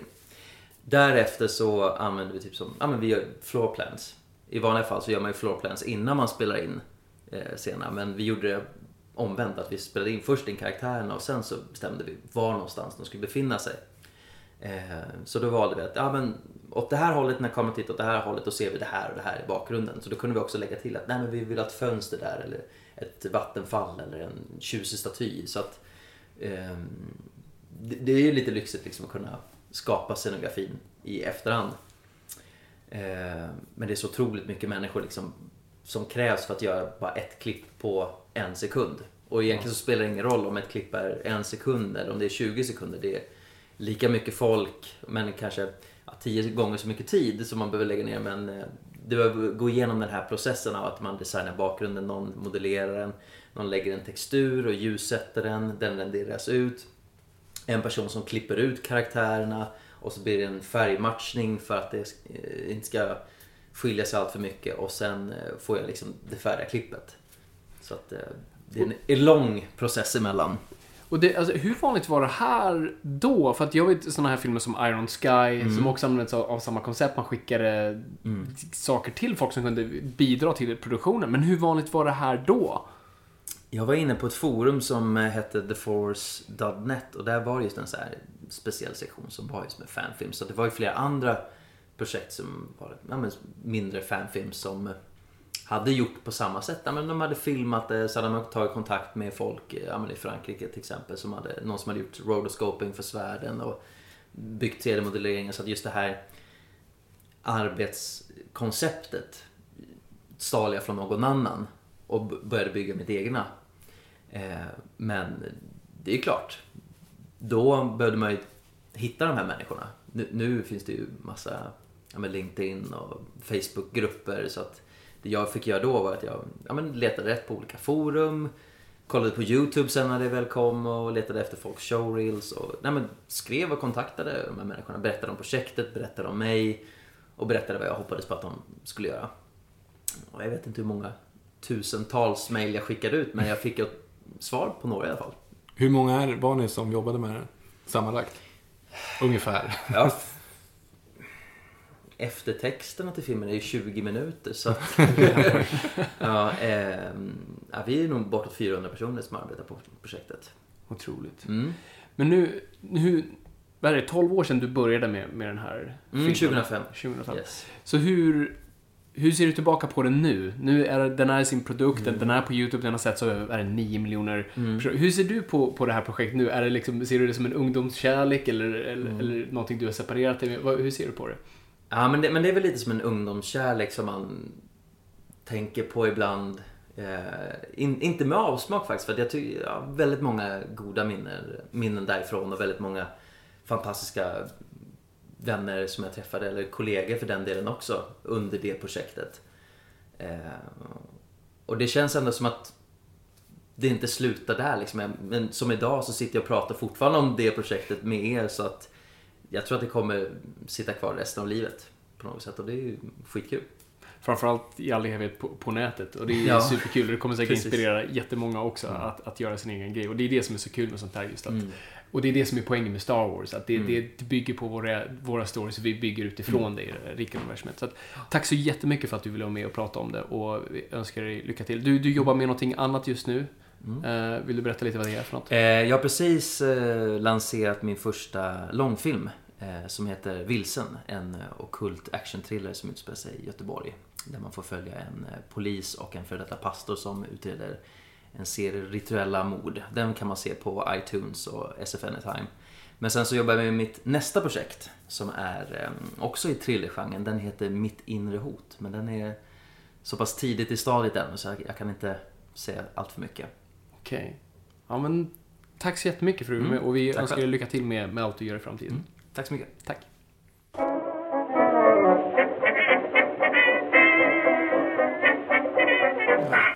Fabian, prata om något annat om fanfilm. Ja, nej men precis. Ehm, nej men det, det är det som är så kul med Star Wars, att folk har verkligen gjort, alltså det, allt ifrån du vet, The Phantom Edit, som var också någonting sånt där som Lucasfilm verkligen gick emot att man skulle man fick inte göra liksom de gillade inte dokumentärer eller liksom reportagefilmer eller ens parodier eller typ så här rapversioner av, alltså de ville ha ganska eh, straight. Men, men det finns ju sådana som The Phantom Edit, sådana som valde att liksom klippa om Phantom Menace till någonting som var man kunde se. För er som inte vet vad Phantom Edit är så är det då att det är Phantom Menace, men de klippte om den. Bland annat så klipper de bort typ Jar Jar helt. Ja, jag är helt borta från filmen. Nästan ingenting Jar Jar. Eh, Ja, han är med, men han dör väl i vattenfallet där. Ja, något sånt där. De Ja. gjorde någon... Alltså efter att de kommer från Othogonga så är det typ att båten, så här, för det är en, en cutscene, en båt när det är typ att de ska nog actionscena att den här båten de kommer i faller ner för ett vattenfall typ. Ja, just det. Eh, överhuvudtaget bara, hu- överhuvudtaget, hur kan du komma underifrån upp på ett plats som, som följs av ett vattenfall? Väldigt Om du kommer från Planet K. Det är Naboo. Ja, hur som helst. Eh, då dör Jar Jar i alla fall. Han är kvar i båten och faller ner. De har typ animerat in en Jar Jar som bara så ligger och skriker i den båten. Och sen är inte han med i resten av filmen. Mm. Eh, och sen har de klippt ut eh, Anakin Skywalkers Yippee också. De har mutat det så att han inte säger Yippee. Det är typ de två sakerna som är framförallt kändast liksom. Okej. Så det är liksom ett, helt enkelt fan som har klippt om den filmen till att bli, ja, tittbar. Ja, uthärdlig. Eh, precis. Nej men, så det finns ju det och sen finns det... Har du sett någon fanfilm? Jag jag har ju sett Threads of Destiny. Som sagt, som du också säger i intervjun. Han fick ju, alltså den här tortyrscenen. Mm. Med Ja, ja, Kylo precis. Ren. Den är ju nästan, den är ju nästan träffad alltså. Men det är väldigt lik. Det är, och det är ju tillbaka till det där just att så här, stämma någon på... Sina egna grejer. Så Rasmus, du borde kolla in på det där. kolla igenom J.J. Abrams webbhistorik. Precis. Um, jag kollade faktiskt bara lite igår. Jag kollade på en sån här Darth Maul-fanfilm. Mhm. Så det var, lite, det var lite småkul att bara se. Det var egentligen bara... Det är typ Darth Maul i sitt tempel och så kommer massa jedi-riddare och ska ta ut honom, döda honom. Och han dödar alla. Alltså det är bara så här. Okej, så det är ingen story. Det är ingen story alls. Men det- jag blev så här indragen i det, för det är liksom en ung tjej som... eh, Hon typ svimmar hela tiden förvisso. Men på slutet får, känns det ändå som hon får liksom sin revansch. Så man drogs ändå med i den. Eh, och det var jävligt coola låtsasvärda dueller. Mm. Måste jag säga. Det var väldigt bra koreograferat. Eh, och vissa grejer såhär, åh det där var en cool grej, det hade jag aldrig tänkt på. Alltså den, ändå gjorde någonting roligt av det. Eh, Jag tror den är från Island eller något sånt där. Men... eh, Annars brukar vi säga koreanskt eller tyskt, men Island är nog första gången man säger det. Ja, jo, jag tror, jag är inte hundra, men det- jag kunde inte koda av namnen i eftertexterna. Då är det oftast isländskt eller nederländskt. Ja, precis. Om det bara är massa vokaler. Ja, precis. Ja. Flem, chlaf, flef, fluff. Mm. Eh, Då är det nederländskt. Men, så det kanske det är där. Och naturen såg lite isländsk ut också. Men det är typ det jag har sett. Jag har inte sett så mycket. Jag, eller jag har väl sett så här med åren bara något så här kul om någon som har gjort något. Star Wars Kid. Ja, det är ju det är inte riktigt en fanfilm alltså. Jo, där är det en fan som har gjort en film som inte... Mm, okej, ja. ja, hur som helst. Men, men när man tittar på att expandera universum, eh, då kan vi prata lite om serietidningar. Så kanske min... Uh, stick. Mitt stick. Eh, och det har ju gjorts ofantligt mycket serietidningar eh, på Star Wars. Bara för att dra igenom liksom, s- bara storyn lite brett och snabbt är ju... Eh, Lucas var ju väldigt smart när det kom till marknadsföringen, det vet vi ju alla. Han gick ju på Comic Con innan filmen och verkligen försökte flirta med sci-fi-publiken och få dem att fatta vad Star Wars var. Det här med att sälja leksaker. Men framförallt så vill... För du, du var en stor grej då liksom. Gör en serietidning till din storfilm. Och eh, då vill han göra en serietidning. Så han gick till Marvel. Eh, och Marvel vid det här laget var inte inte i, de, i sitt bästa skick. Det var en av deras här, stora dippar efter deras här, stora hype på 60-talet. Och de körde Fantastic Four, Avengers och allt sånt där.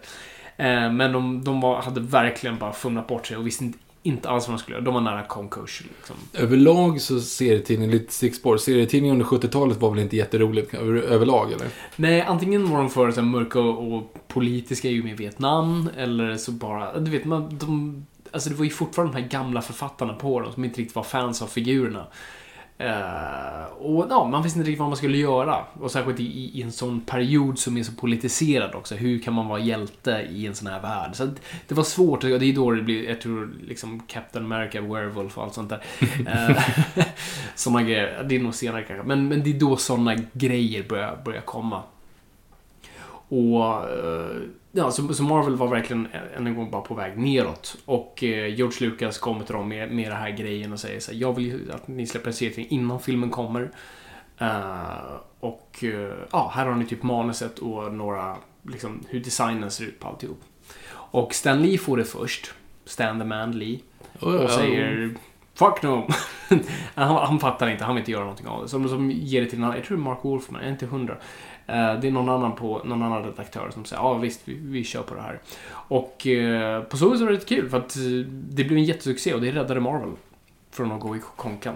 Jaha, det var en succé Det blev alltså? jättepopulärt. Jaha. Det var särskilt efter filmen väl kom ut när Star Wars verkligen blev en grej. Det sålde okej i början men sen när filmen kom då var det helt sjukt. Och jag tror de, de publicerade Star Wars i typ 170 nummer och sådär. Ända från eh, från då Star Wars, Star Wars 77 till um, Return of the Jedi. Och då var det lite som vi sa tidigare, alltså efter, det var ju enorm Star Wars-fatig efter den filmen. Efter trilogin var över, då sa man att nu är det över. Så även Marvel sa bara, Star Wars, det är passerat bort. Uh, så då låg ju Star Wars ute och, och flöt, liksom utan, utan något hem i CT. Och sen var det två författare, tror jag, som just frågade Lucasfilm om de fick skriva liksom, ja vi vill skriva lite Star Wars stories i, i liksom serieform, är det okej? Och då sa Lucasfilm, ja ta allt. Mhm. Så då fick de liksom nyckeln till kungariket, de fick göra vad de ville. Och då tog de det och gick till Dark Horse, som sen i stort sett sen liksom 80-talet gjorde Star Wars-serier. I alla dess sorter. Eh, och det har ju varit en supersuccé liksom med, med åren och liksom gjort många grejer. Och, det, och allt ansågs vara kanon dessutom, eller det mesta i alla fall. Så att eh, där har ju även böckerna och sådär. Och det är det som blev lite... Eh, det blev ju mycket kritik efter det. För, det- för det var kanon och, och folk tog det verkligen som att de här storyna tillhör hela mytologin. Men sen då, nu för några år sedan när Disney köpte Lucasfilm och Disney äger Marvel, så var det ju självklart så Star Wars var tvungen att gå tillbaka till Marvel.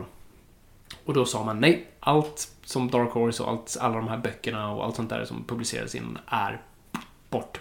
Mm. Det är inte kanon längre. Många blev väldigt upprörda över det. Så det, det ingick... Men Det är, så, det är så sjukt. Vad spelar det för roll? Ja, precis. Alltså, det är helt sjukt att folk blir sura och det är sjukt att man måste säga att det inte kan. Ja, jag, alltså, först, jag förstår inte heller den här canon-besattheten. Alltså, canon är ju ditt huvud. Du, du, du bestämmer ju det. Inget av det här är verkligt. nej, nej, Du precis. bestämmer din verklighet. Det, och det har jag ju sagt förr i den, här, i, i den här podden, att jag bestämmer lite själv, oftast min egen kontinuitet. Så, nej, det här fanns inte, men det här fanns. Eh, och sådana grejer, hur man bestämmer om det är antingen Bond, eller om det är Star Wars, eller vad det nu är. Ja, men alltså, skulle barn reagera så när de sitter och leker typ med leksakerna och så här, ja men Qui-Gon Jinn och, och Darth Maul. Och den här gången vinner, kan inte Qui-Gon Jinn vinna för att han vann inte i filmen. Alltså för att Darth Maul, det, alltså man tänkte ju inte så när man väl var liksom. Nej, precis. Det är jättekonstigt om du ska tänka canon i allt liksom. Ja. Alltså, ja. Ja, det är jättekonstigt. Så allting då i- Dark Horse innan liksom Marvel fick då bli så Star Wars Legends, kallas det tror jag. Det, är liksom, det här är bara legender, det här är liksom sagor. Det som kommer nu på Marvels sida, nya Marvel, är, det kommer vara canon. Mhm. Så det är publicerade. Så För det är bara definitionen för det, förlåt, canon. Det Canon. Förklara canon för mig. Canon, kanon, vad man nu säger. Jag har inget bra svenskt ord på det, så nu är det inte bara jag som är anglofierad, utan jag har inget bra ord för det. Så alltså, det man kallar canon är alltså allting som gills i, i det officiella universumet. Mm. Så om man, om jag, om nu Star Wars, så, så här, ja precis. Nu inför Force Awakens förra året så släppte Marvel en Star Wars-tidning som hette Shattered Empire. Som då var, skulle vara som en bro mellan Episod 6 och 7. Och den anses då vara canon, vilket betyder att det som händer här skedde. Vi såg inte det på film, vi har inte hört om det, men det här skedde. Det är liksom, det, så allt man kallar canon är saker som har skett i det universumet. Och det är ju, alltså, och det är ju vi i serietidningsvärlden väldigt vana vid att tänka i sådana koncept. Ehm, För annars heter det Elseworld. Precis, för det finns vad jag Elseworlds lär mig Ja, saker. ja, det är jättebra. Och för det finns ju olika sätt att se på det. Det, det är det jag älskar till exempel så här Grant Morrison, författaren som, som verkligen tänker till exempel med Batman att allt har hänt. Mm. Men han har så bra förklaring till allting. Han tänker så till exempel så här Batman 66, Adam West, han säga, jo, jo, men det är ju för att vid den här tidpunkten med Batmans liv så var han ju helt liksom förstörd av Jokergas och Scarecrow-gas och liksom allt sånt där. Så att allting var liksom nästan en hallucination. Allting var färgglatt och det var pow pow. Alltså liksom, så att han tänker i de banorna. Så ja, det hände, men det är ett annat filter. Eh, så det är så man, man, kan tänka. Eh, men ja, nej så det, det är väl lite brett eh, vad, vad som hänt i, i Star Wars-serietidningen. Men, men jag, jag, jag, vi vet ju någon som kan det här bättre än oss. Ja, en som var med från början och en som faktiskt skrivit en artikel. Vi måste ju pusha lite grann ändå för eh, Mm. eh, Aftonbladet skriver ju ofta en, en bibel när det kommer ut, Precis. storfilmer. Eh, som de också har gjort nu när eh, Rogue One gjorde sin debut här på, på, på stora skärmen. Vad säger man? Big screen säger man inte på svenska. Ja, man ser väl stora, stora duken. Stora duken. Eh, vita duken. Vita duken. Vita duken. Vika duken. Vika duken. Vita duken. Ost. Hur som helst, Johan Wandlo, en av världens bästa människor, troligen. Yes. Den här poddens eh, bästa kompis. Den, Eh, den här poddens gudfar, skulle jag säga. Ja, som även har eh, designat vår logga. Mhm. Han har ju skrivit en, en artikel om Star Wars-serietidningar i den här Rogue One-bibeln. Så vi tänkte att vi måste ju koppla in honom när vi pratar om det här. För att, framförallt för att jag inte kan någonting. Nej, och framförallt, alltså, trots att jag läst lite så jag upplevde ju inte när det väl kom. Precis. Både när Star Wars kom och på serietidningar och också hur det bara upplevts i svenska fans ögon. Så att, mm. Därför tycker jag att vi kopplar ut honom.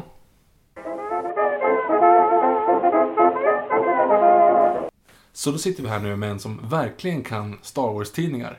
Ja, gud ja. Välkommen till podden Johan Wandlo! Ja, hej! Kul att vara tillbaka. Ja, Jag du- fantastiskt har dig tillbaka. En och återkommande gäst, det är helt fantastiskt. Ja, precis. Och, och för er som inte vet också, Johan Wallå skrev en fantastisk artikel nu i den här senaste Star Wars eh, specialbibeln som Aftonbladet eh, publicerade. Så den, den, kan ni kolla upp och läsa lite. Och framförallt är han väl känd för att ha tecknat loggan till Nörden och jag. Precis. Ja då. Hur känns det hur, att vi massakrerar den varje vecka i stort sett med att Det är bara lugnt. sätta dem? Ja, det är okej. Vad Det är skönt. bara, den lever ett eget liv. Det är, liksom, det är som, eh, det är som Simpsons eh, signaturen liksom. Eller Simpsons eh, ja, just det här laget. Och sen, sen era lyssnare eh, minns ju mig som eh, och, och jag citerar en av era lyssnare som mannen som bajsade i kyrkan i typ ett tredje avsnitt. När jag, när jag fick ett utbrott på seriefilmer. Det var också roligt att få. Ja, absolut. Man kan ju vara känd för det också. Men du, du är ju lite grann inkopplad här nu för att vi ska snacka om Star Wars-serietidningar. Just det.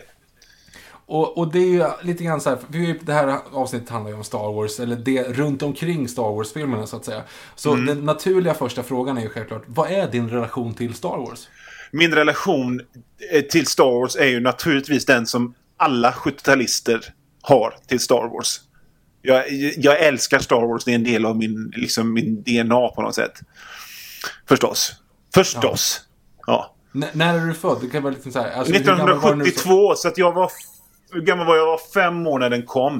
Och jag kommer ihåg att eh, det var inslag på tv om det och jag var skiträdd för dem. Sen var det några tuffingar på dagis som liksom fick, fick gå och se den. Jag såg den inte själv för 1983 någon gång.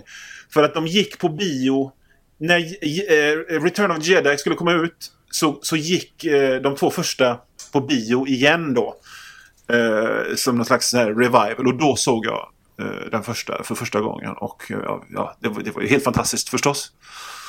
För hur var det annars att vara liksom barn under den perioden när Star Wars, eller Star Wars-fan överhuvudtaget under den perioden, innan internet och innan alla Ja, de där nu, nu är det ju nästan lite häftigt nu när det är så mainstream och det var ju absolut stort då. Men hur var det att vara ett Star Wars-fan på 70 Alltså, 80-talet? nej, nej, Star Wars-fan. Då, då, var, jag menar, då höll det ju på. Men jag kan ju berätta hur det var att vara Star Wars-fan när jag var liksom lite mer avancerad nörd. När jag var lite äldre, när jag gick i typ i gymnasiet. För då var det helt dött. I slutet av 80-talet så fanns det absolut inget intresse för Star Wars. Du vet, man gick och hyrde filmerna. Eh, och de bara, men ska du titta på sån här gammal skit för? 1989, 1989 så fanns det ingenting som var mer dött än Star Wars. Eh, och det var ju liksom en lite härlig tid som nörd för att då var man inte så mycket som konsument som man var någon slags caretaker. För det var liksom vi som brydde oss om Star Wars. Vi, det var vårat, vi skötte det. Förstår du? Och där kom ju sånt här som serietidningar och böcker in. Att, att det, det- var ju det, det var ju som dels souvenirer från filmerna och dels och små, liksom små bitar som man gillade med de här figurerna. En slags fortsättning. Sådär va. Så det var ju det som det innebar.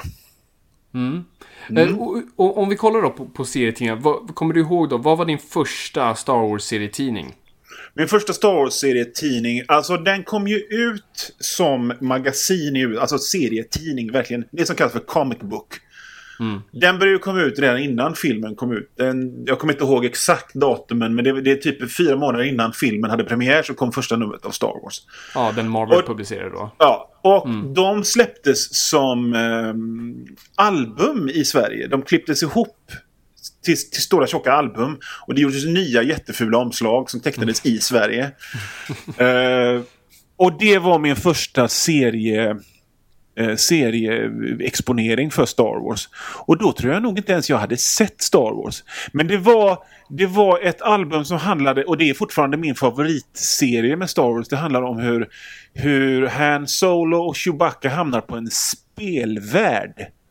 Och de måste Okej. duellera. Chewbacca måste duellera mot, eh, mot eh, Han Solo medan folk eh, satsar på vem som ska vinna av dem. Eh, det är ett långt, spännande, härligt av, avsnitt. Det låter ju ascoolt. Mm, det är ascoolt verkligen. när, när, var, när var den publicerad i, i ordning av allting? För, jag antar att de, de, de adapterade ju filmerna först. Ja. Så, så när kom det här in då i, Det i, kom i väl seriekontinuiteten? in, alltså jag har inte exakt koll, men säg att det är, det är ganska tidigt. Det är, de första sex numren är filmen. Och sen så, sen så, eh, sen så eh, är det e- egenpåhittat. Liksom. Och så någonstans, ja, nummer 20, 15, 16, 17, 18, 20, något sånt tror jag. Så det är ganska tidigt i det hela. Och det är, en, det är ju rätt intressant att man på den tiden fick alla sådana kringgrejer rätt. För att det är ju, det är ju pang-pang. Det är en, Mm. en vettig... Det, Star Wars, alltså varför ma- man blir så besviken, varför man blev så besviken när prequelsen kom, det var ju för att det var nu är senaten har tagit ett handel som man bara va? För Star Wars är en, Star Wars är en western. Det är pang-pang. Och det, det, det fick de rätt i de här äventyren. Och sen är det ju ganska kul att läsa för att det är ju alldeles tydligt att de inte fattar. De har ingen aning om vart de ska ta det här. Eh, eh, så att, så att, nej, men det, så det är ganska frejdiga, roliga äventyr och, och, och sådär. Det tycker jag nästan är styrkan med de här gamla Marvel-serierna, just för att de inte... Alltså, de lägger nästan ingen värdering hur tunga vissa karaktärer eller hur vissa karaktärer porträtteras eller vissa scenarion. Nej. Och det tycker jag nästan ger till styrka, för när jag läser Star Wars-serier nu, nu är det så mycket fanservice och så mycket Ja. av författaren som vill leka i, i sandlådan, att de Ja. verkligen vill gö- bara bygga sin drömvärld. Medan här var man... Medan i tidiga Marvel, det känns som man var nästan tvungen att berätta en story som fungerade för mediet. Exakt, och det var... Det var, eh, det var ju liksom Marvels vanliga knegare som gjorde det här som, som vilket jobb som helst. Ja, ja, okej, jag gör väl det också. Star Wars, nu kör vi. Och det, det är inte alls den här mystiken kring jedi-grejen, för det fanns inte då. Nej. överhuvudtaget. Utan det det är väldigt action, actionladdat. Eh, och, och, och ganska... Vad ska jag säga? Men det, det är äventyrsäventyrligt. Och de kommer till vattenplaneter och smugglare och pirater och det ena med det andra. Och det är jätteroligt. Mm. Eh, tycker jag. Vad, vad tyckte du om, eh, om om du bara kollar, sen gick ju Star Wars-franchisen över till Dark Horse. Vad, vad, Ja. vad har du tyckt om det som publicerats där då? Ja, alltså det är ju inte helt sant. För vad jag sa, så för att, eh, runt, runt i början av, början i slutet av 80-talet så var det ju faktiskt helt dött med Star Wars. Eh, Så att det, det- här är jätteintressant. Så, French, så att licensen gick till ett litet, litet skruttbolag som heter Blackthorn Comics. Som gav ut en väldigt illa tecknad eh, serietidning i tre nummer. De hade även licensen till Rambo av någon anledning. och det är alltså och, det, och, det, är jättedåligt tecknat. Det är så, som någon som aldrig har ritat, ritat förut i hela sina liv. Verkligen, nu ska jag rita noga och det blir precis så valhänt som man kan tro. Eh, och de går ut tre nummer av en tidning i 3D. Eh, ja, och sen gick den över till Dark Horse. Och, och, och det är ju då samtidigt som det börjar, det, för det här minns jag så tydligt, för då är jag runt 20 någonting, 20-22. Jag börjar märka liksom att det börjar väcka sitt intresse igen. Det liksom, någon slags nostalgi börjar vakna. Så att inte nog med att Dark Horse får lic- licensen, utan det börjar, det börjar även komma rätt intressanta böcker. De här Air of the Empire och, och de här grejerna. Så, att, så att det är liksom en dubbel, dubbelattack med, med schyssta tie-ins. Ja, men vi, vi fans blir ju naturligtvis jätteglada och, och jag menar, det, det, Dark Horse gav ju ut oerhört mycket. Och det är både hit and miss. Men jag, har, och jag har ju verkligen inte läst allt. Men jag måste säga att en, en del grejer var faktiskt rätt bra. Och rätt intressanta. Eh, och vad, vad tycker du nu när, när det gått över tillbaks till Marvel, eh, till de gamla händerna? Har du läst någonting där? Är det någonting Ja. du tycker om? Jag har faktiskt läst alltihop. Och jag måste säga att jag faktiskt gillade väldigt mycket. Eh, konstigt nog, eh, det borde jag inte, men det gör jag. men alltså de har ju, de, de har verkligen satsat bra krut på serietidningen nu för att den skrivs av, alltså jag, jag har en, jag prenumererar på en tjänst som heter Marvel Unlimited. Som är som ett Netflix, Spotify för Marvel-serietidningar. Och de, de ligger ett halvår efter. Så jag vet inte hur det är nu, men för sex månader sen så skrevs fortfarande serier om Jason Aaron. Och han är en av Marvels bästa serieförfattare just nu. En av de bästa serieförfattarna, punkt, just nu. Eh, och, och han... eh, det, är jättebra. Och sen, de, har- de, de har haft den ena jättebra tecknaren efter den andra på själva Star Wars-titeln då. Och sen har de haft en ganska intressant eh, Darth Vader-titel. Alltså jag är väldigt nöjd med det hela. Jag tycker det är ganska trevligt allting. Faktiskt. Ja. Det, alltså det jag funderar på, bara som att sitta och lyssna på er här, Mm. det är ju liksom varför dyker de upp överhuvudtaget? Det känns som att man börjar lite grann i fel ände och göra serietidningar av, av överhuvudtaget, bara som du pratar om Rambo också. Mm. Alltså, kan det bli bra när det börjar på... Det, det känns money grab. Är det inte bara det egentligen? Ja men det är ju det det är. Det, alltså, på 70-talet då så var det ju en, naturlig del av en naturlig del av, av en films merch med en serietidning. Ju. Och det, det är en money grab, men samtidigt så... så, så jag menar, det, idag är det ju inte fullt så mycket en money grab för att... Eh, jag menar, de här serietidningarna drar inte in lika mycket pengar som de gjorde en gång i tiden. Alltså, jag menar, de, de behöver egentligen inte göra det här, tror jag. Nej, det Eh, känns ju inte som det. Nej, så att... Så att eh, men vill, vill, vill, är man inte nöjd med filmerna? Och jag kan säga så här, liksom, att jag har ju precis som alla andra sett filmerna, de nya. Och jag kan känna att det är så jävla tydligt att ja, det får inte gå fel. Alltså så gör man samma film om och om igen. Jag var och tittade på, på Rogue One med min son. Oj, det Som var tidigt 12 ute den här gången. Ja, den här en gången är jag faktiskt tidigt ute. Jag, jag såg den på premiären, väldigt otippat. Oj. Och, och han, han sa, 12 år gammal, smack dab i, i målgruppen, att Mm. det kändes som samma film för tredje gången för att med ett nytt skin. Och Det, Det var en det- riktigt smart unge du har. Ja, ja, men faktiskt alltså. För det var precis så det var. För att de får inte göra någonting fel. De får inte göra någon förbannad. Det måste vara, de Nej, kan precis. inte ta några risker. Men serietidningen då som säljer det kanske inte ens 100 000 exemplar. De kan ta risker. De kan, Mm. de kan testa olika storygrejer utan att det spelar någon större roll. Och de kan göra som, de hade en jätteunderhållande sekvens där Han Solo träffar sin fru som inte är Leia utan en annan sån här smuggelbrud som som de har gift sig för att de ska komma av någon sån här convenience. Och det är jätteroligt. Så att jag måste säga att, att jag, kan ibland tycka att det här är ett fräschare sätt att hantera franchisen än själva filmerna. Som bara, jaha, okej, stort klimax, hej och hå. Ja, det Det, men det är min åsikt. Ja. Vad, vad tyckte du om Rogue One? Sådär lite snabbt bara. Ja, jag tyckte att det var väl alltså... Jo, nej men det är som, det är som med alla sådana här filmer att, det, att det, man får lite feels. Man kan, ju, man kan ju i princip filma en sten och ha den där musiken på. men samtidigt så tycker jag liksom det var ju, det var ju samma igen. Samma, samma, samma, samma, samma. Mm. samma. Det, det, alltså jag såg, eh, vad heter den, episod 7 nu då? Vad den nu Mm. heter.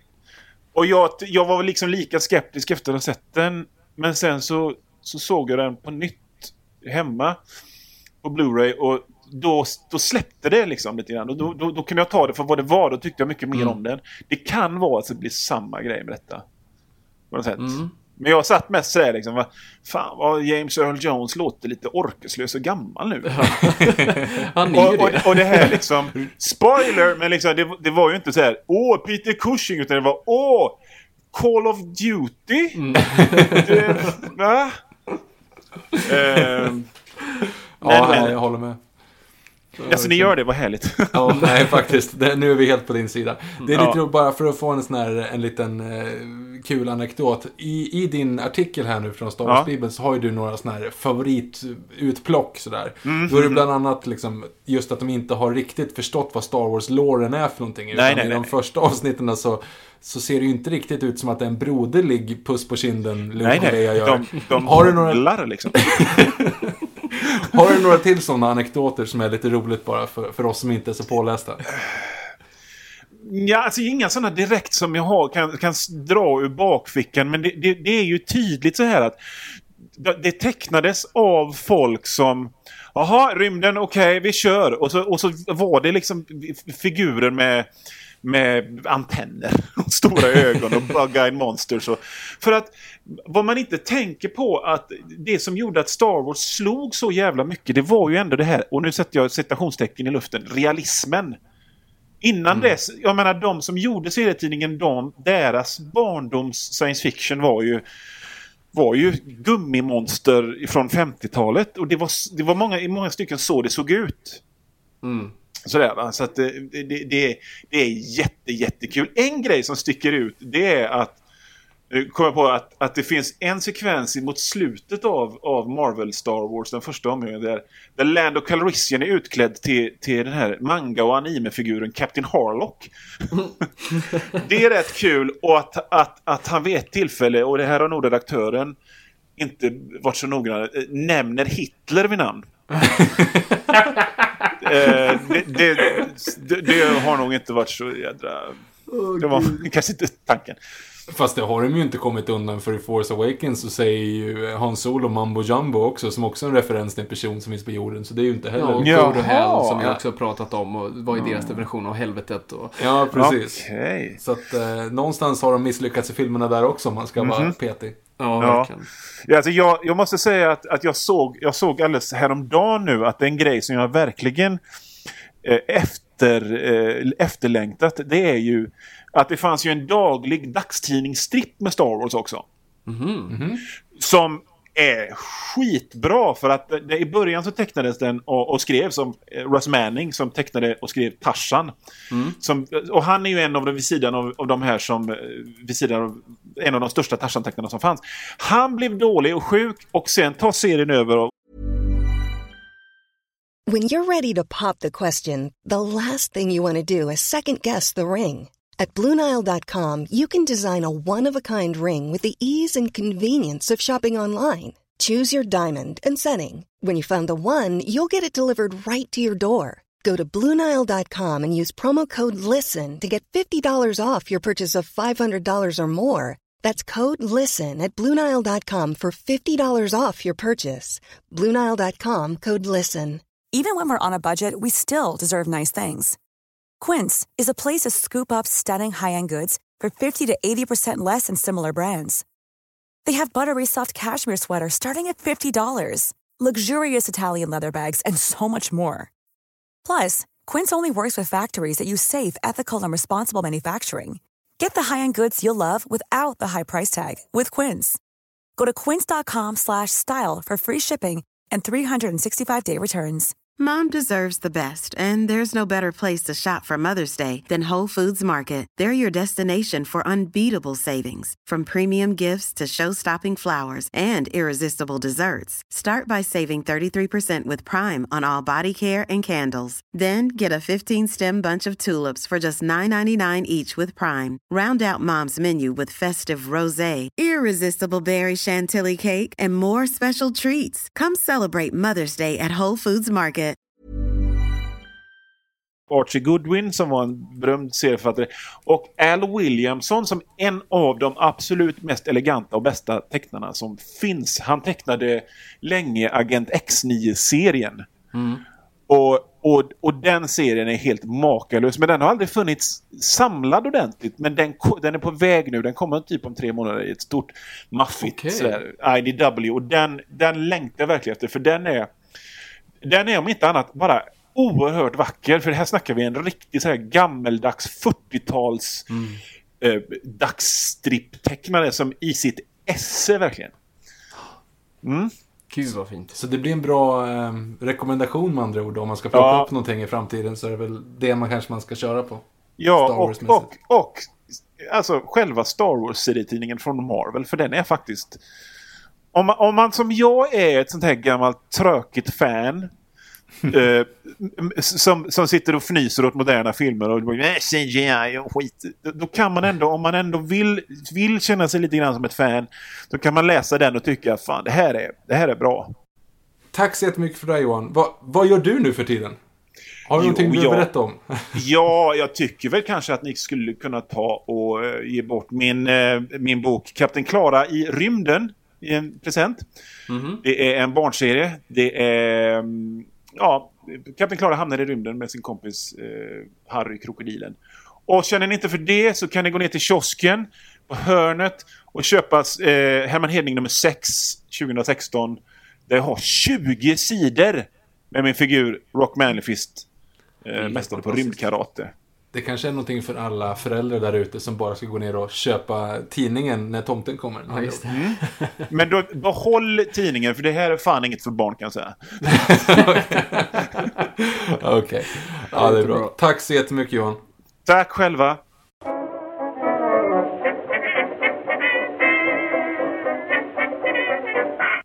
Han är ju för härlig. Jag vet. Det är, ja, underbar. Alldeles, alldeles underbar.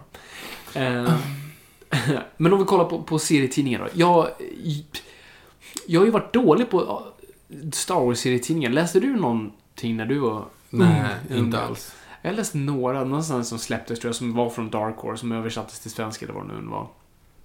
Och tyckte det var så här. Jag har alltid haft svårt för allting utanför Star Wars. Och det är lite som jag sa till, eh, till Johan. Just att eh, jag tycker det känns som folk är i en sandlåda och bara gör sin egen fanfiction. Då man liksom, någonting väger mycket för att det väger mycket för dem. Liksom, Darth Vader är det här, han är så jävla cool. Darth, Vader. Nej, Darth Vader är inte så cool. Det är liksom i det officiella, tycker jag. Uh, det är lite så jag känner. Men jag tänkte nu, nu ska jag Inför det här avsnittet tänkte jag redeema mig själv eftersom jag inte gjorde det sist. Då, Nu ska jag köpa lite serier och göra min research. Bra förvänt. Så jag köpte tre serier. eh, två Marvel och en Dark Horse. Så jag, jag köpte alla första nummer när de släpptes eh, under Marvel. För jag tänkte, ja men jag, jag, jag köper alla första nummer och ser vad jag gillar.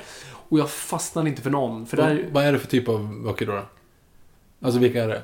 Typ? Ja, gud, de gjorde många. Men det var ju... Först släppte de bara en officiell Star Wars, Star Wars, Star Wars, som var en Star Wars-titel som utspelar sig mellan fyran och femman. Mhm. Mm. Eh, Okej. Så det är ändå lite kul. Det är ju, där kan man ju leka omkring. Sen släppte de Darth Vader, som jag inte kommer ihåg när den utspelar sig. Och jag tror också mellan fyran och femman. Och de har släppt en Han Solo, de har släppt en Chewbacca, de har släppt en Lando Calrissian. Alltså de har Och släppt... då som handlar om bara dem? Ja, som är liksom soloserier om de här kanske. Alltså de har släppt allt möjligt. Varför, varför det? För att man kan. Men varför satsar man inte bara på en serie i så fall? Eller två? Därför du tjänar mer på, på fler. Nej, men ja. Men lite som, som Johan också sa. Alltså det är inte så mycket pengatvätt i det hela. Utan, eh, men såklart, man kommer mjölka ur det märket så mycket man kan. Och det är också för att mm, rikta mer ögon mot den kommande filmen. Ehm, så de jag köpte, för- okej för det första så jag köpte alla de första nummer, jag fastnade inte för någon.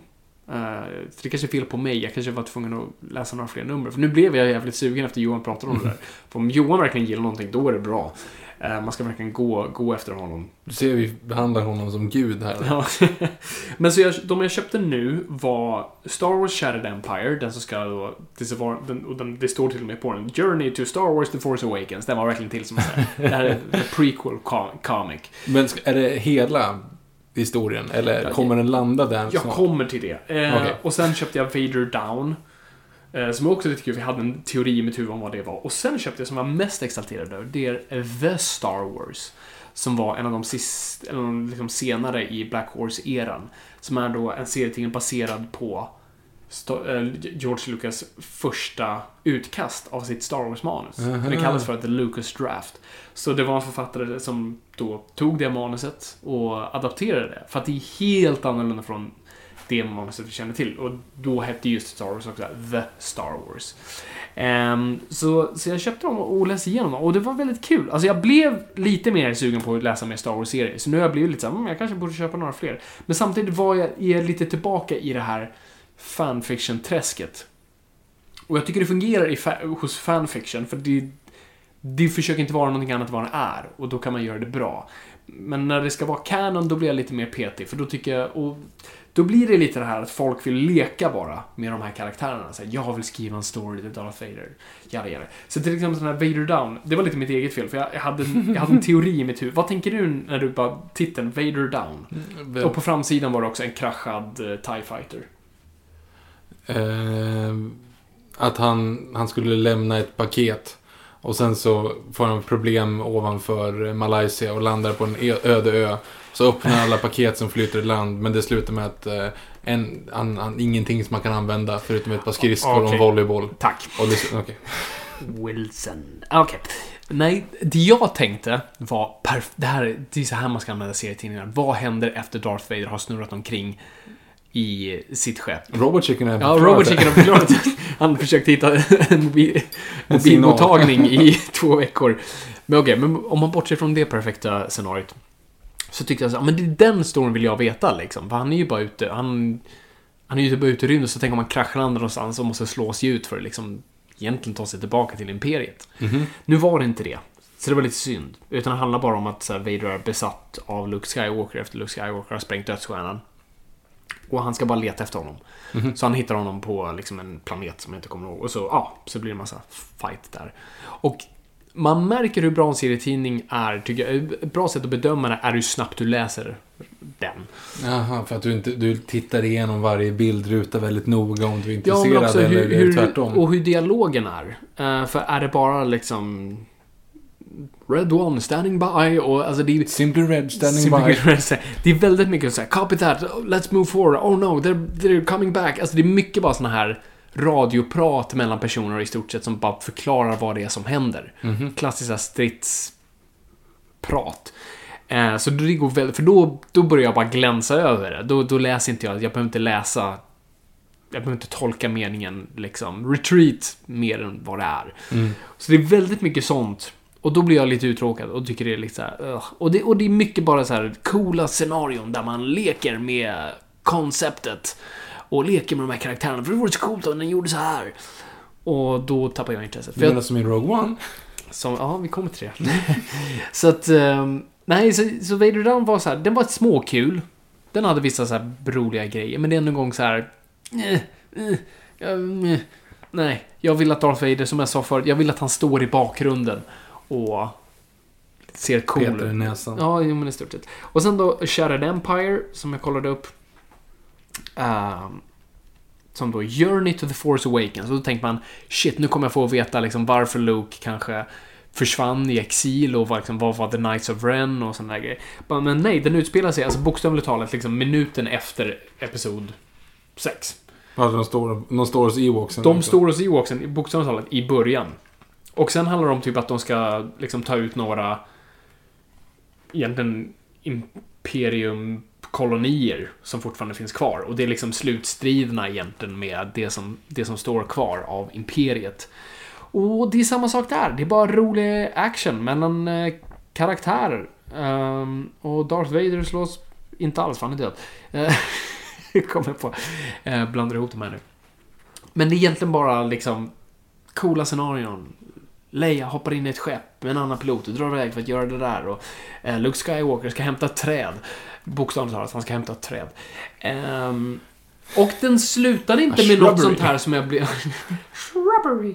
Eh, den slutar inte med någonting som är såhär wow, okej, så nu Force Awakens, grymt. Utan det slutar med att han hämtat sitt träd. Alltså, det är egentligen bara...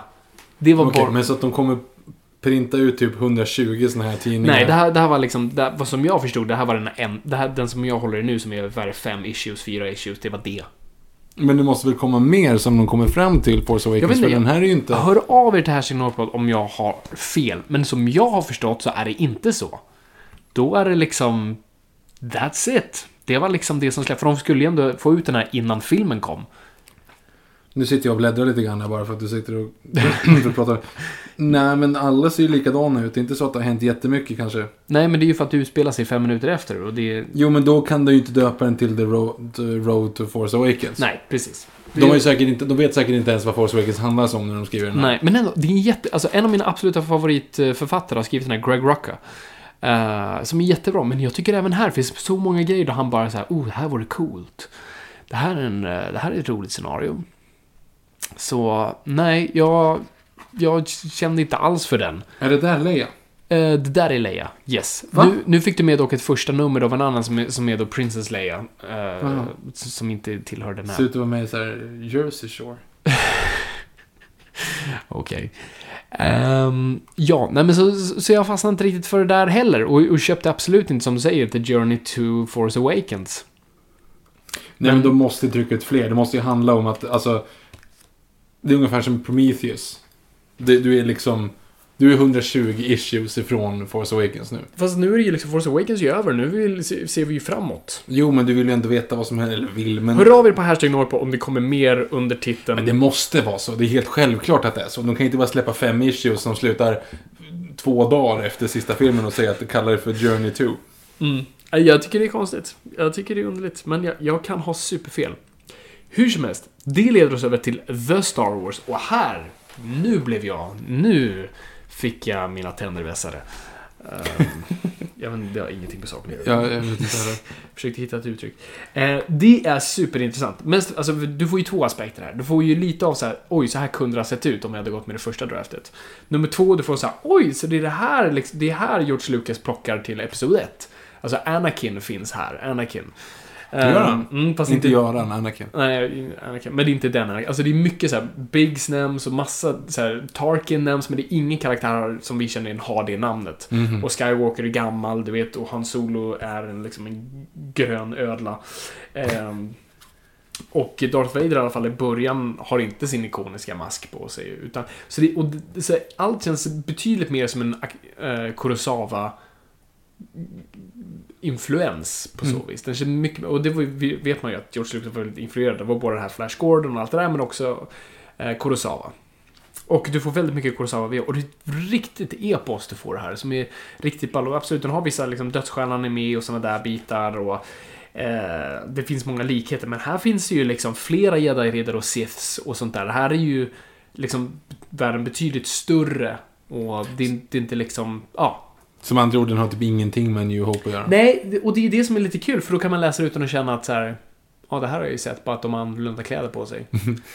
det är som en kul, för, för då känns det för mig väldigt Star Wars-igt. Och man kan säga, åh gud vad mycket man kan plocka från det här. För det gjorde ju även när de ritade, när de gjorde den här så gick de ju utifrån tidig design som hade gjorts.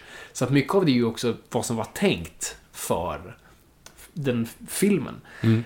Um, så att än så länge, jag har inte läst klart den helt än, den är ganska fet. Uh, men än så länge är det så här, det här, det här tycker jag är kul. Och just för att Lite samma sak som med först, de första Marvel-issuerna, de från 70-talet, inte förstår värderingen i vad de här karaktärerna kommer att bli.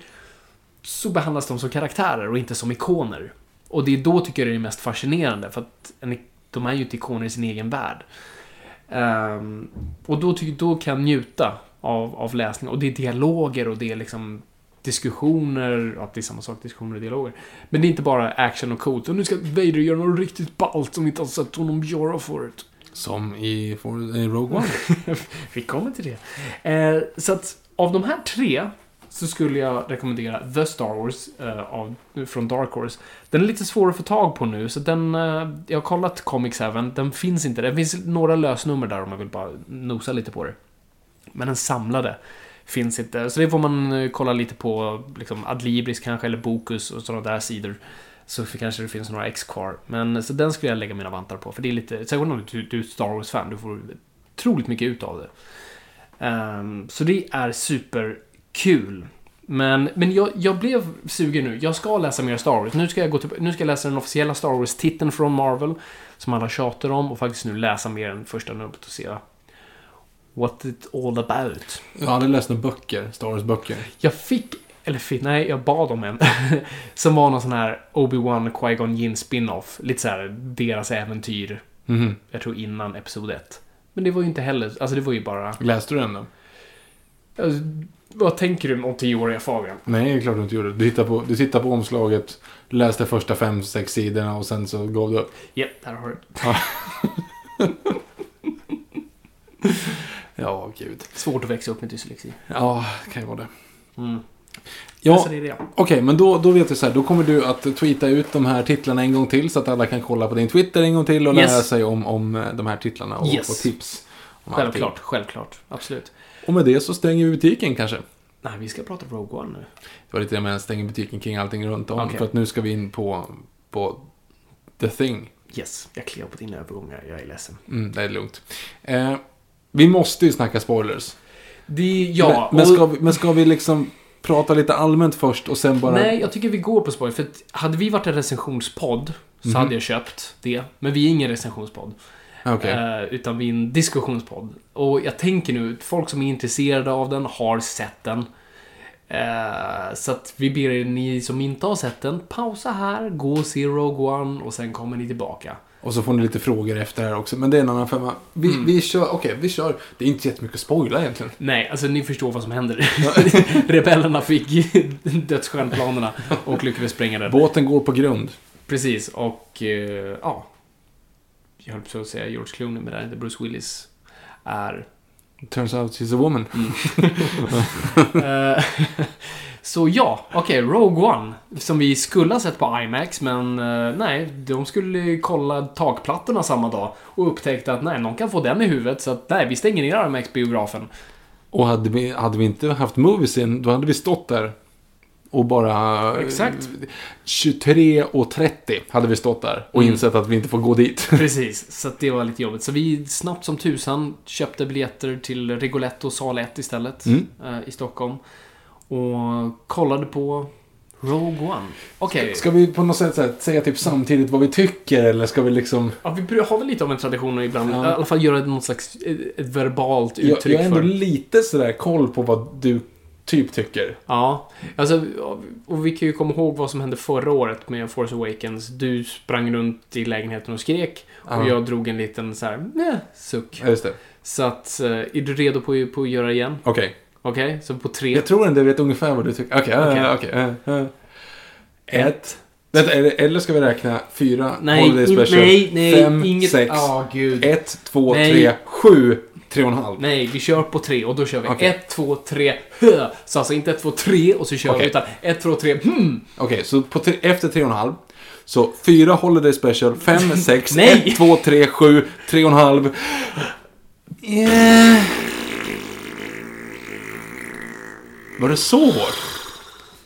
Var det så hårt alltså? Jag kanske överdriver, men ja, nej, det kändes verkligen som en...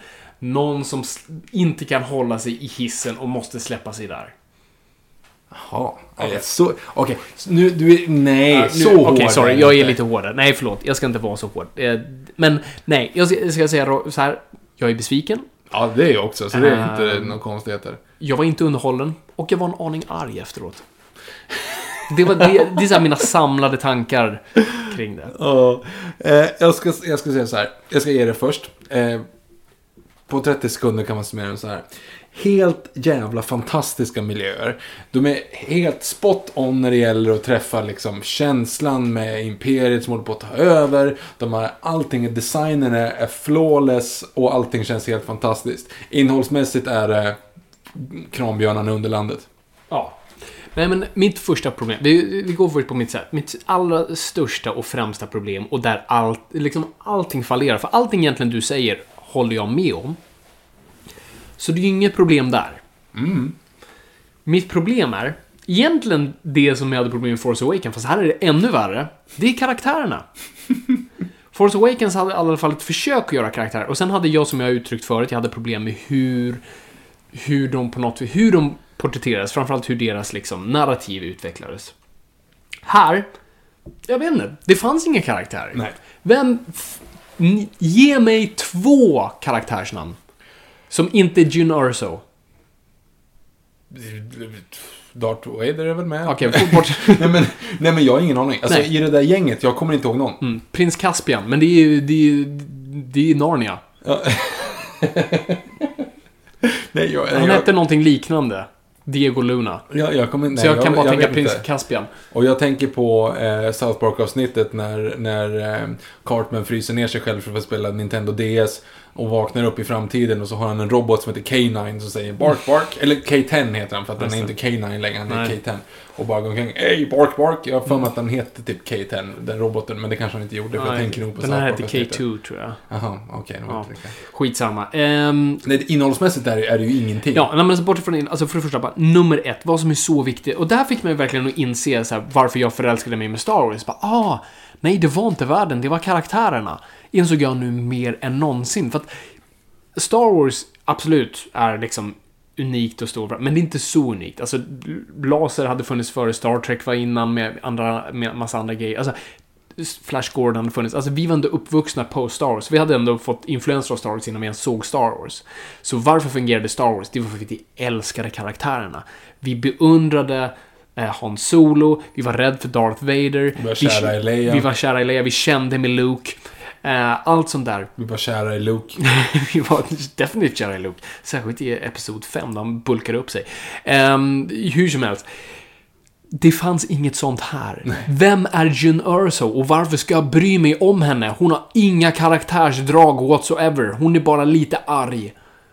Och vem är prins Caspian? Ska han vara hans solo? Jag vet inte, det fanns ingen karisma eller charm där. Ehm, den blinda snubben. Vem... Jag har ingen aning. Han var blind. Hans polare. Jag vet inte, det var hans polare. Alltså, kan du beskriva för mig? Alltså, det här är nästan värre än prequel-trilogin. Ja, med Qui-Gon kan jag inte säga. Jo, men han, är han är i alla fall lite eh, så här rebellisk och han står upp mot Jedi-rådet och sådär.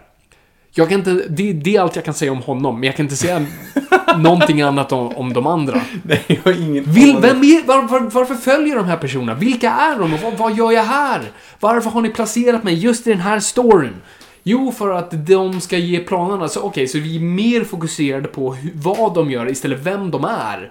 Och då blir jag så här, men då kan jag, då kan jag gå och läsa en serietidning istället om det här. För att då är vi ju tillbaka till, då är vi på fanfiction-nivå igen. På några så här, "Ja, vi har ett roligt scenario, det här hade de inte gjort tidigare, så nu ska vi berätta den här storyn. Karaktärer, pff, ah, who cares, det är Star Wars. Ja, och då tänkte jag tror att de tänker, nu, och som sagt, spoilers. Jag tror att de tänker att de är lite edge för att de dödar av allihop. Men det är ju... Nej, det är ju bara en ursäkt för att man det- inte ska jag behöva tänkte- deala med dem i framtiden. Det var det jag tänkte säga, för det är ju en sån jävla cop-out att bara skjuta alla. För att så här, oj, vi har alltså nu, vi har fyra filmer framöver. De närmsta Mm. 35 åren är liksom redan gjorda så att säga. Så vi kan inte tjohorna in någon mer Nej. karaktär. Så vi måste bli av med dem på något sätt. Precis. Och det, jag såg lite fram emot dem, typ så här, ja men hur typ eh, Jyn Erso egentligen är typ Captain Phasma. Vad fan som Mm. Ja, helst. precis. Alltså kunde kunna på något sätt få in det. Ja, eller bara att de har, så här, de har spe, de är liksom Agents of Shield. De, de är liksom, de är mellan fingrarna mellan filmerna. Alltså de, de syns inte, de bara gör vissa saker. Mm. Ja, precis. Eller, eller De finns av liksom, det finns en fucking universum. De Ja. Kan ju faktiskt försvinna ganska enkelt Precis. också. Förutom att i, i Star Wars prequel-trilogin så känner alla alla, trots Ja, att det är en exakt. massa olika Det är lilla planeter. djungelboken. Men, nej, precis. Alltså, du dödar alla här och folk, jag kan tänka mig att vi säger, ja, ah, det var nog lite edgy. Bara, nej, det var inte edgy. Det är ett sätt för Disney att bara röja sig av problem för att folk inte då ska Mm. sitta och ha teorier om att Jyn Erso är Rays mamma. Ehm, och, och jag hatar det här konceptet med att liksom, död är lika med stakes. Det är det, det är det sämsta som finns. Alltså, jag köper inte det argumentet för fem öre. Bara för folk dör så betyder det inte... Alltså, död är en simpel grej. Död är en jätteenkel grej. Och särskilt i film, för då bara puff, puff bort. Finns inga konsekvenser. Den här personen är borta. Det är därför jag brukar citera varför Casino Royale är troligtvis den bästa Bond-filmen är att det är den första Bond-filmen som förstod att ja, vi vet att Bond kommer överleva, så vi lägger inte stakesen på honom. Absolut, det finns några nära döden upplevelser, men nej, vi lägger fokuset på kortspelet, vi lägger fokuset på Vesper, vi lägger fokuset på skurken, vi lägger fokuset på alla runt omkring Bond. Allting han förstör runt omkring sig som en destruktiv figur. Så, det är löst. Och det, och det gör det samma sak med sådana här tentpole-karaktärer. Vi vet vad som kommer hända i slutet. Vi vet att planerna är kommer landa där de kommer att landa. Så nu vill jag veta vad som händer med de här karaktärerna. Det var det trailern utlovades, för där hade du ju Forrest Whitaker, Whitaker som sa What will you become? Ja. Alltså, till, till, in, inget. och då blir man lite såhär, ah, okej, så det här kommer ändå handla om så här, the casualties of war. Alltså, vad blir resultatet av att vara en extremist mot extremister? Alltså lite som vi ser idag, det här vad man kallar det goda våldet. Alltså folk som ska bekämpa det onda helt plötsligt blir det själva. Och det är en jättefascinerande grej, och som är så aktuellt, och du behöver inte ens gå hardcore politiskt för det. Du behöver bara, bara ett roligt tankeexperiment. Det hade jag tänkt mig kanske att den här filmen skulle gilla, men nej! Ont är ont, gott är gott, och de gör det här så, pff, och de löste det, och sen dog alla. Och Stormtroopers är fortfarande jordens sämsta soldater. Åh, skoja inte, de tål inte ens pinnar längre. Men hjältarna, de kan ta tre laserskott, fortfarande kräla, det är okej. Det är ganska intressant hur, varför har Stormtroopers eh, armor överhuvudtaget? Ja, det verkar ju uppenbart inte funka. De blir ju slagna av pinnar så att de sim, liksom tuppar av med ja, ja, de tog ju den delen från Return of the Jedi. Ja, just det, när de kommer... Med Ewoks. Så de kastar lite stenar och sådana grejer på dem. Nej, det, det är värdelöst. Nej, men, nej, men jag, jag var så här, jag, jag satt där och tänkte så här, ja men det är ändå, nu kommer de bygga upp det som en andra världskriget thriller liksom. Mm, precis. Ett sabotageuppdrag, det är hjältarna för telemarken. Liksom. Mm. Det är någonting sånt de skulle kunna göra av det. Verkligen. Men det blev ju inte det. Det blev ju, Nej. alltså, och framförallt, det, återigen, jag älskade miljöerna. Yes. Alltså, när man är nere på den här marknaden, lite fult att de, att de får in den här Wanted at Wow Systems. Vi kommer till det. Okej.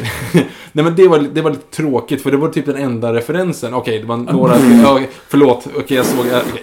Men i början, fram tills dess, så var det den första referensen. Till kommande filmer.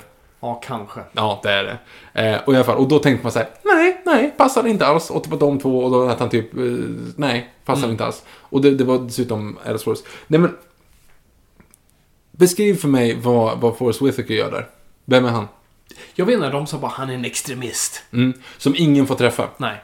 Ingen får träffa. Och det Hur många, kom, hur många kompisar har han där? Hur många kompisar har han där ute i sin lilla Jag vet inte, skog? han hade någon bläckfisk som kunde läsa tankar, men det följde vi inte upp på ändå, så det var lugnt. Ja. Så han blev tokig fast inte tokig. Han blev tokig och sen dör han och vi bara skiter i det. Nej men, Nej, jag tänkte mest bara på att han har hur mycket folk som helst där ute. Ja. Hur, mycket folk som helst som har, som har liksom kommit till honom och de säger så här, det är helt omöjligt att sträcka ut en hand till honom. Samtidigt som han typ 50 pers som bor ute i hans hus där. Mm. Och bara så råkar det vara så lägligt att han ser att han, den här personen, som jag inte kommer ihåg heter, Diego Luna, Mm. skjuter en nisse som är på väg att tappa, kasta en bomb eftersom Jyn är under tanken. Så att skjuter han honom så att han tappar bomben och så dödar han Stormtroopers istället. Och då ser den här, eh, what's his face, med antenner och ser ut som en... Ja. jag vet inte ens vem du pratar om. Nej men han som har en, en robotmask det. Ja, och är typ cool ut. naken Ja, på precis. översidan. Mm. Eh, som sen också stryks. Liksom. Ja. Han ser då hur, hur eh, Diego Luna skjuter på den här snubben så att, han tappar så att han ramlar omkull och så blir det så här, okej så att det blir, så- okej nu blir det en stor grej med det här. Men nej, det var bara för att de skulle vara inlåsta så att de blev ändå tagna dit. Mm.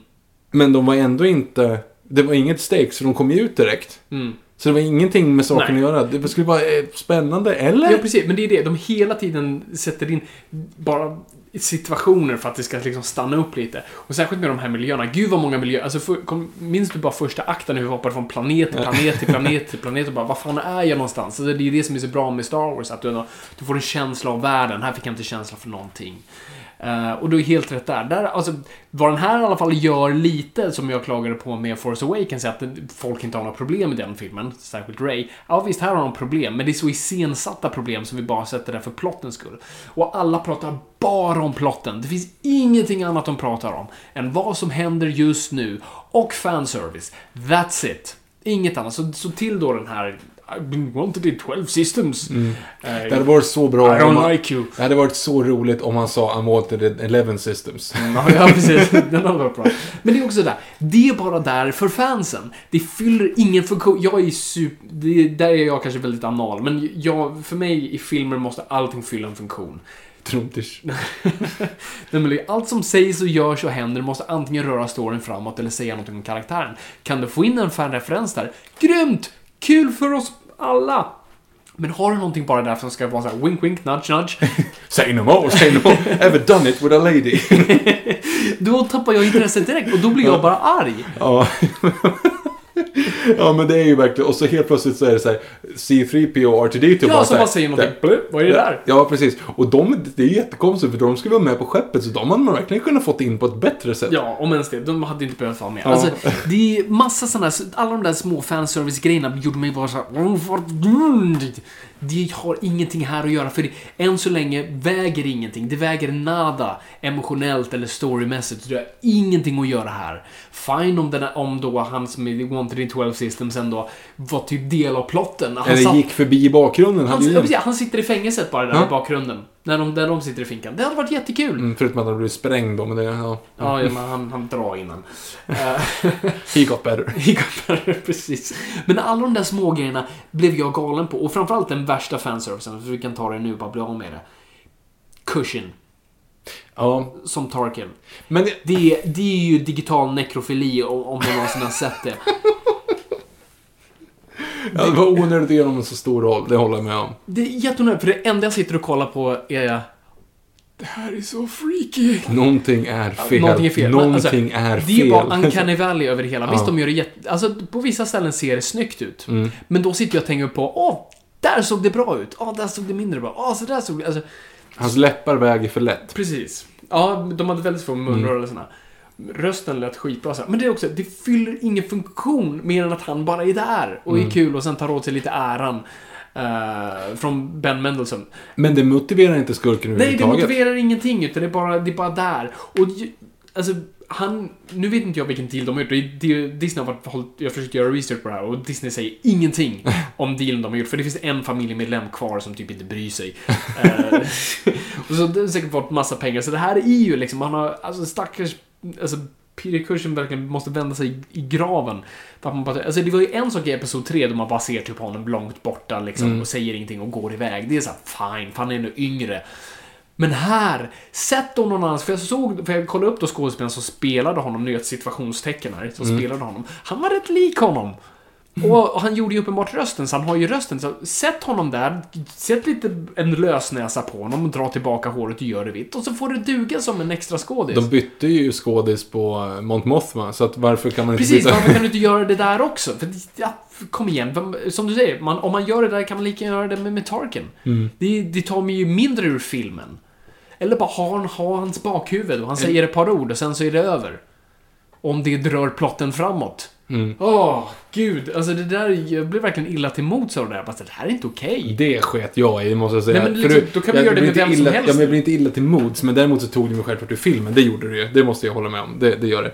Men, ja, det, mitt största problem är, är att jag inte bryr mig om någonting. Nej. Jag, framför- alltså, jag tänkte så här, det här, är en, det här är en bra, det här kan bli en kul ride. För jag vet, när jag kommer in och sätter mig där så vet jag att okej, men de, det kommer, det är liksom, det, det är scrollen i eh, New Hope. Det är Ja, ju det precis. det ska vara. Och det är ingen annan som har sagt någonting att det ska Nej. vara något annat. Så att jag visste ju liksom att det skulle sluta typ fem minuter in i, i, eh, in i New Hope. Ja, absolut.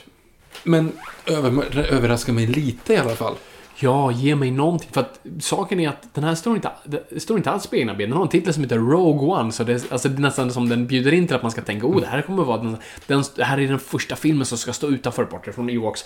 Eh, som ändå står utanför liksom originaltrilogierna. Men den är ju, den, den är ju mer än prequel-trilogierna. Hänger den på Episod 4? Alltså den, men den, den har ju inget eget liv. Den, det är ju en parasit. Det är ju som en blodigel på, liksom, när du går ner i en sjö någonstans i Louisiana. Det är Rogue One. Det är det som är det. Det bara hänger på den. Men filmerna ska ju inte vara... Alltså, jag håller med att de inte står på egna ben och det tycker jag är dåligt med den. Men de ska ju inte göra det heller. De förväntar ju sig att alla har sett New Hope. Nej, fast det finns det- ju ingen... Jag vet, men det finns ju ingen som... Det finns ju ingen som inte har sett New Hope som kommer sätta sig i den här biosalongen och tänka liksom att åh, vad spännande, nu kommer prins... Vem är det hon i vita kläder där som säger Hope? Men det är ju jättemånga som kommer göra det. Det är jättemånga som... Jo, som, men det är ju ingen som bryr sig. Antagligen är folk förvirrade. Det är ju det här som är så poängen som är så bra med Star Wars. Star Wars var ju alltid byggt på att du droppas mitt i någonting och så bara blö, vad är jag någonstans? Och så måste jag liksom sätta ihop det. Samtidigt var det en del av en trilogi. Men du kunde nästan alltid se filmerna separata. Alltså du kunde egentligen se Empire Strikes Back. Visst, vissa svårigheter, det hade varit bättre om det var första, men du kan ändå liksom greppa stakesen och alltihop. Och det är det som är poängen med Star Wars. Det fungerar i en kontinuitet, men de står ändå starka separat. Den här gör varken eller.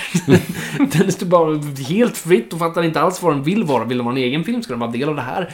Åh, jag blir bara... brrr. De ratconar ju att det är ett hål i dödsstjärnan som kan spränga en hel planet om man bara gör lite fel. Ja, jo, men och det, visst, det är en kul detalj att det är så här, ja, det var medvetet. Det Det, var... det känns ju fanservice med. Alltså, de, de skulle ändå, de insåg väl att det var ganska dumt liksom. Mm.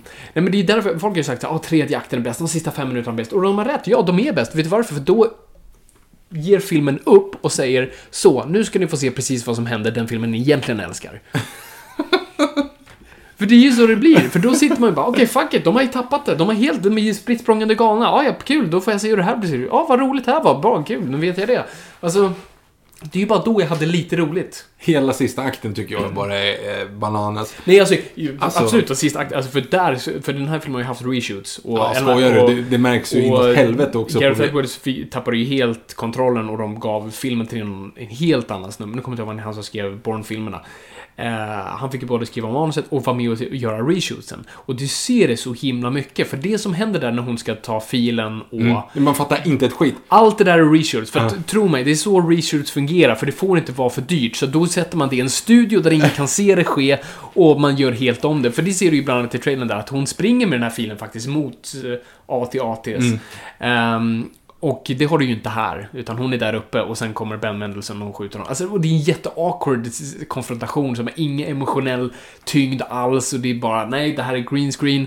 Och allting känns bara jättefel med den. Och så är det bara, mm, det stinker reshoots. Det, undrar, det bästa exemplet på reshoots, by the way. Mm. ehm, där det verkligen är så här gristydligt. Det är nästan lika tydligt i den här. Bara om man, om man vet vad reshoots är och tänker på det. Det är World War Z, om du har sett den.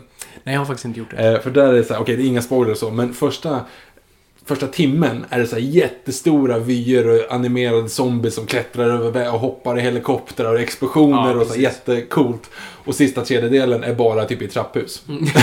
det, då var det så här, ah, fuck it, slutet funkar inte, vi gör om allting. Och då är det Ja, verkligen exakt. bara, då ser man att reshootsen på liksom sista, sista akten är jättebilligt att göra. Liksom. Precis.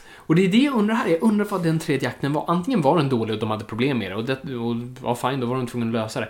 Eller så var det typ super edgy och de verkligen försökte göra någonting där. För det är nu jag blir orolig för Disney. Jag var inte så orolig för Disney innan, för de har varit ganska duktiga med Marvel. De är ju alltid rätt duktiga på att lita på sina filmskapare. Men nu är jag rädd för att det är ganska toppstyrt. Att de säger nej, vi kan inte göra för, för mycket edgy saker. För det är det jag alltid tyckt varit så cool med Star Wars. Det här är ju det värsta. Den här filmen får ju mig att sakna prequel-trilogin. alltså, och det gör ont att säga. För att, som jag sagt förr, prequel-trilogin hade i alla fall ambitionen att bara säga fuck it. Bort med det gamla. Visst, vi har lilla Djungelboken-aspekten och att alla känner varandra. Okej, men bortsett från det. Det är liksom helt ny design på skeppen. Vi är på nya planeter. Det är liksom, vi öppnas upp en helt ny... Vi expanderar universumet.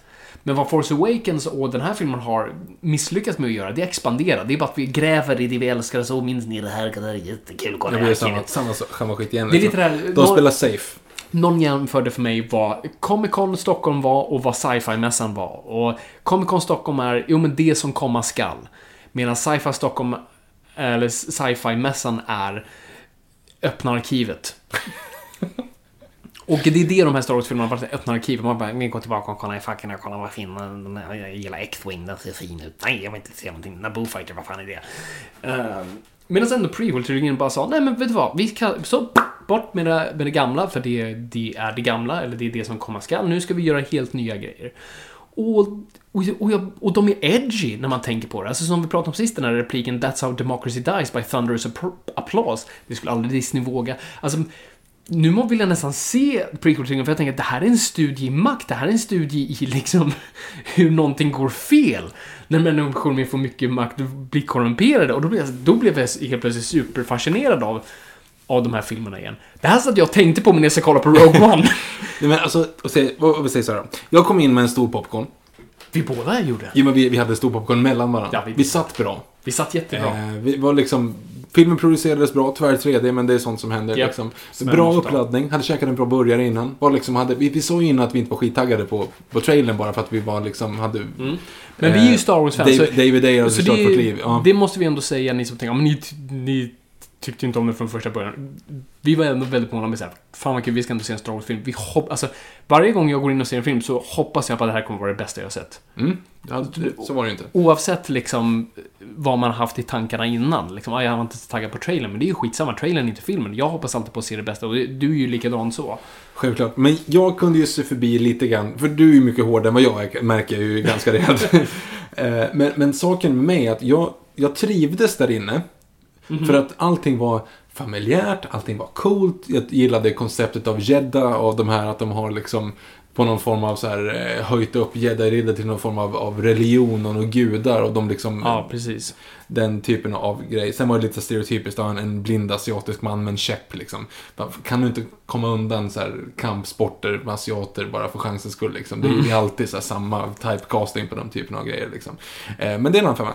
Eh, men problemet som du säger, förutom att jag sitter och trivs, det är som att mina kompisar, det är samma sak som Suicide Squad.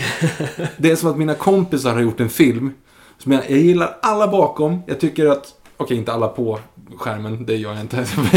För att det var typ jag är Det är dina kompisar kompisar du aldrig hört talas om. Precis, men ungefär som att jag, jag gillar Gareth Edwards, för jag har sett Monsters. Älskar Monsters. Eh, jag, Godzilla hade aspekter. jag gillade delar av Godzilla.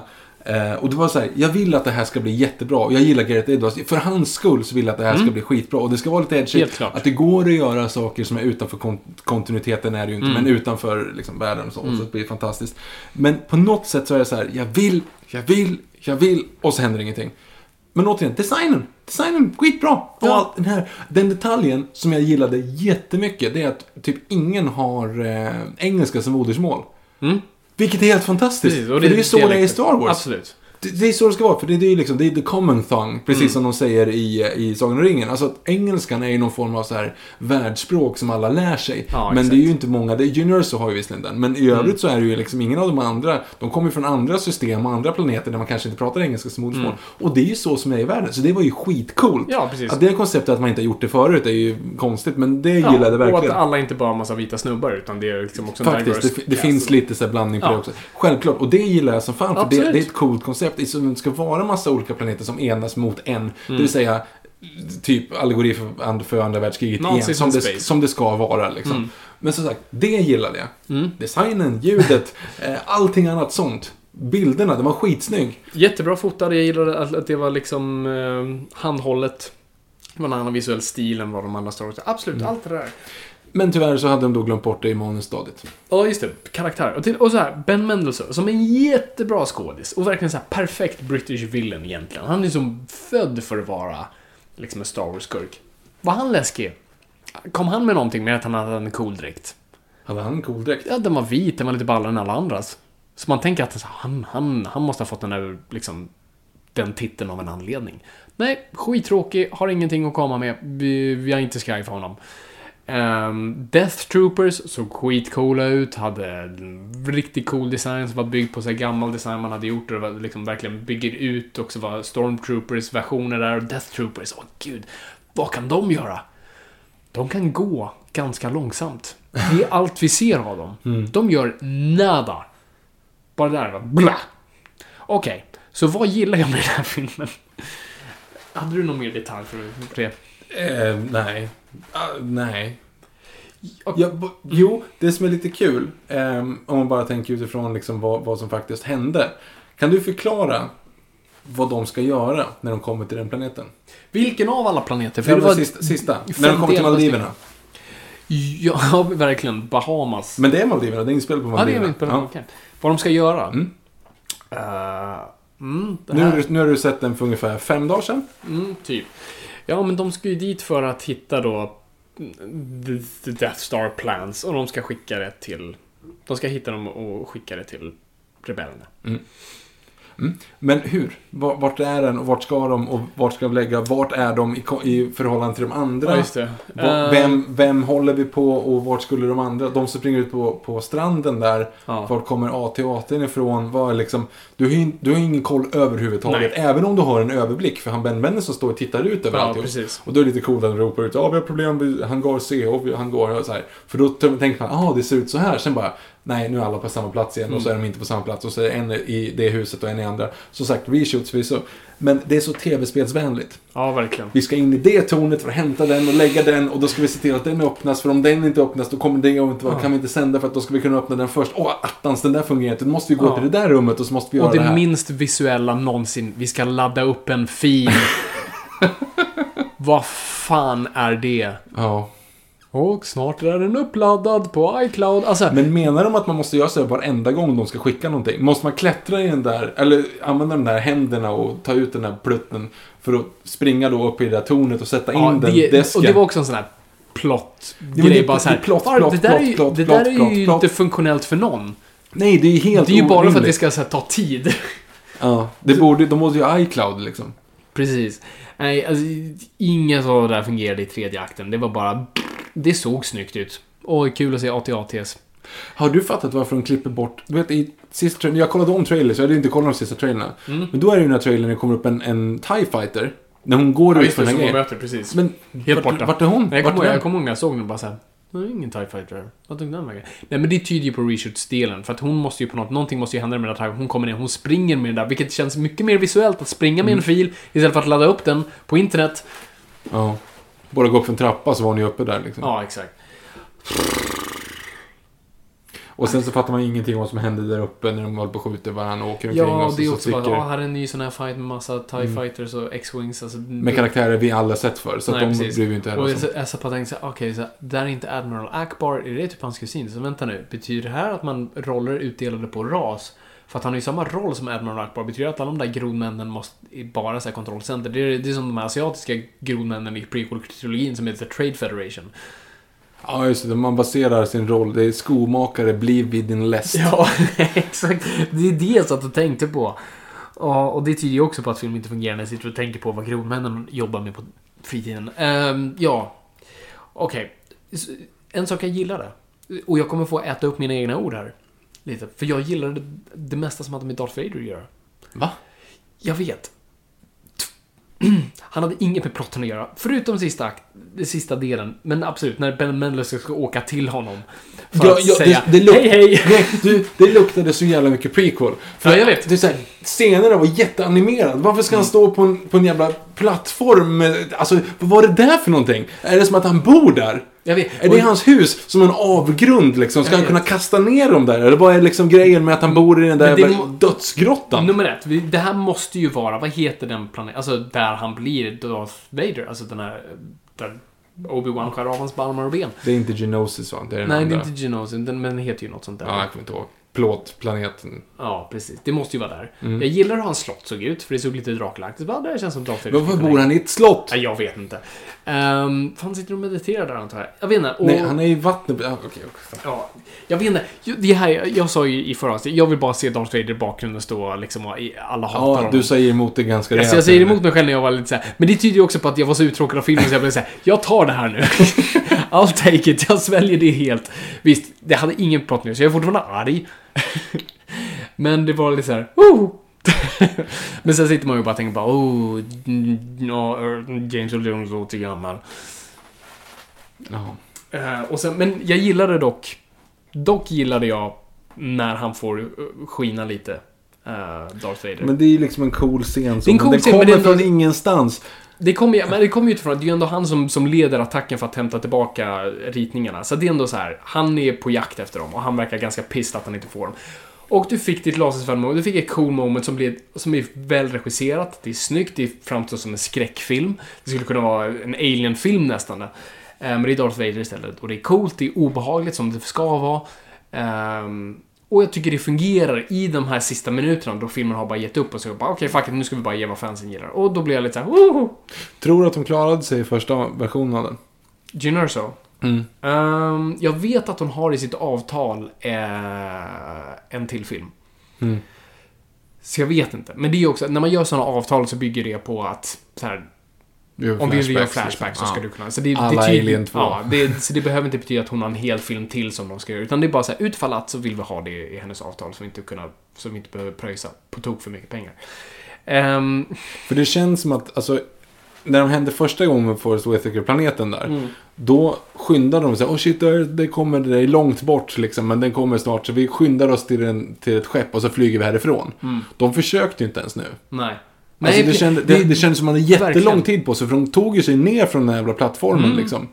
Så Absolut. det är jätteotippat att de verkligen måste, att de verkligen bara ger upp och lägger sig på en strand. Jag håller helt med. För hon känner ju knappt Diego Luna heller. Alltså Nej. det är bara att sticka liksom.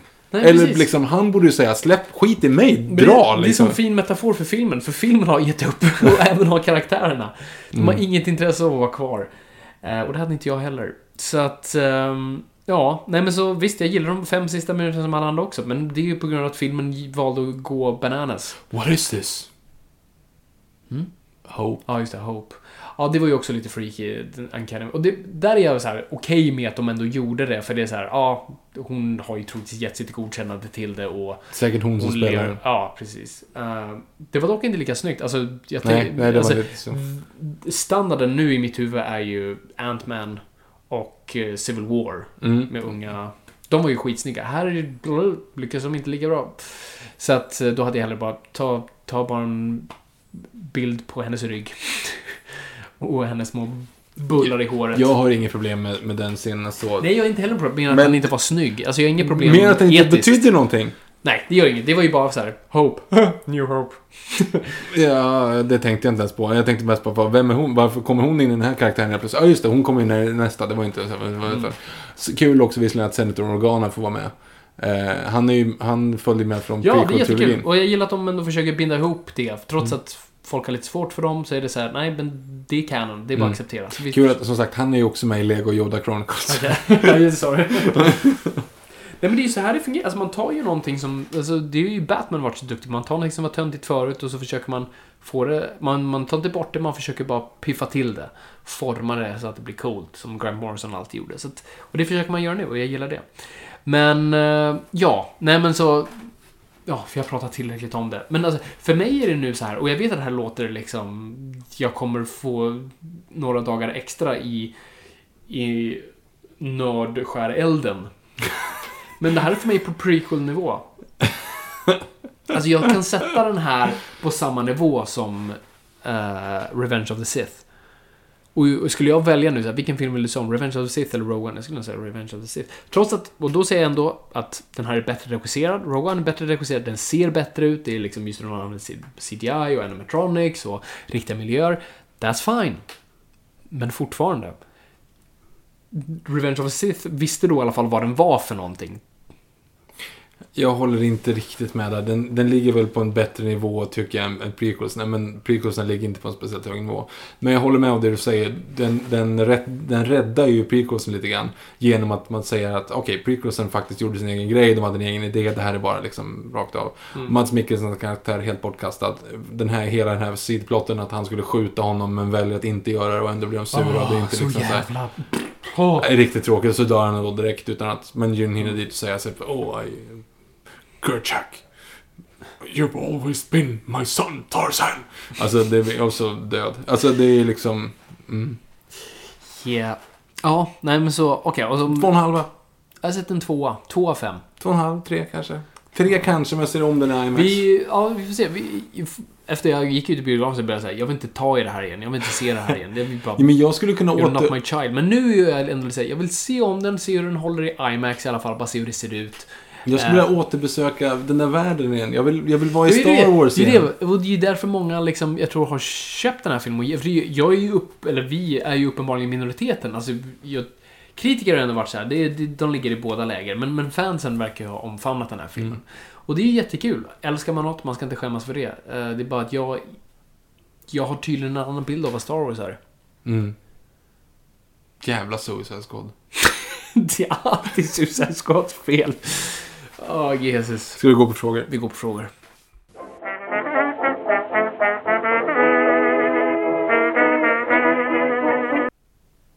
Då är det dags för frågestunden.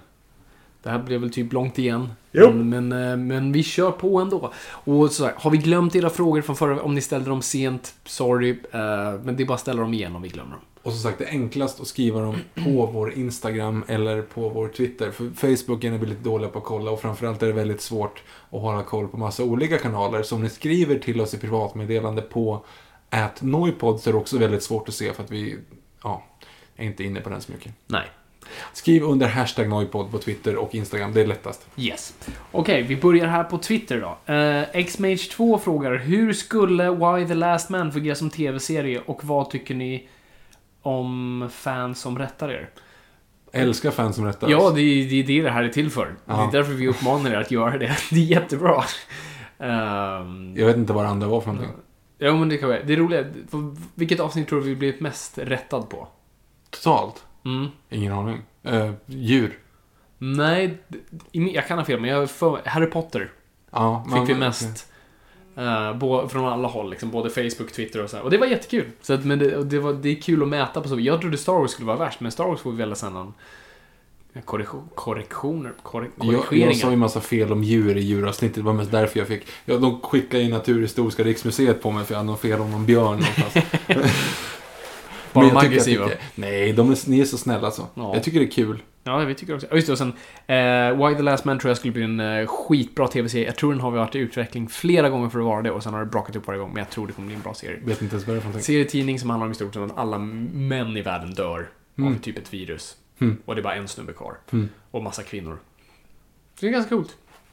Okej. Eh, vi går vidare på at Iceman Joe. Eh, vilka filmsajter brukar ni besöka ofta? Och vilka är er topp 5 favoritregissörer? Uh, Moviesin såklart. Moviesin och IMDB. Moviesin.se. IMDB och typ Empire. är väl de jag så här. Mm, nej, jag följer dem på Twitter bara, men jag är inte så inne.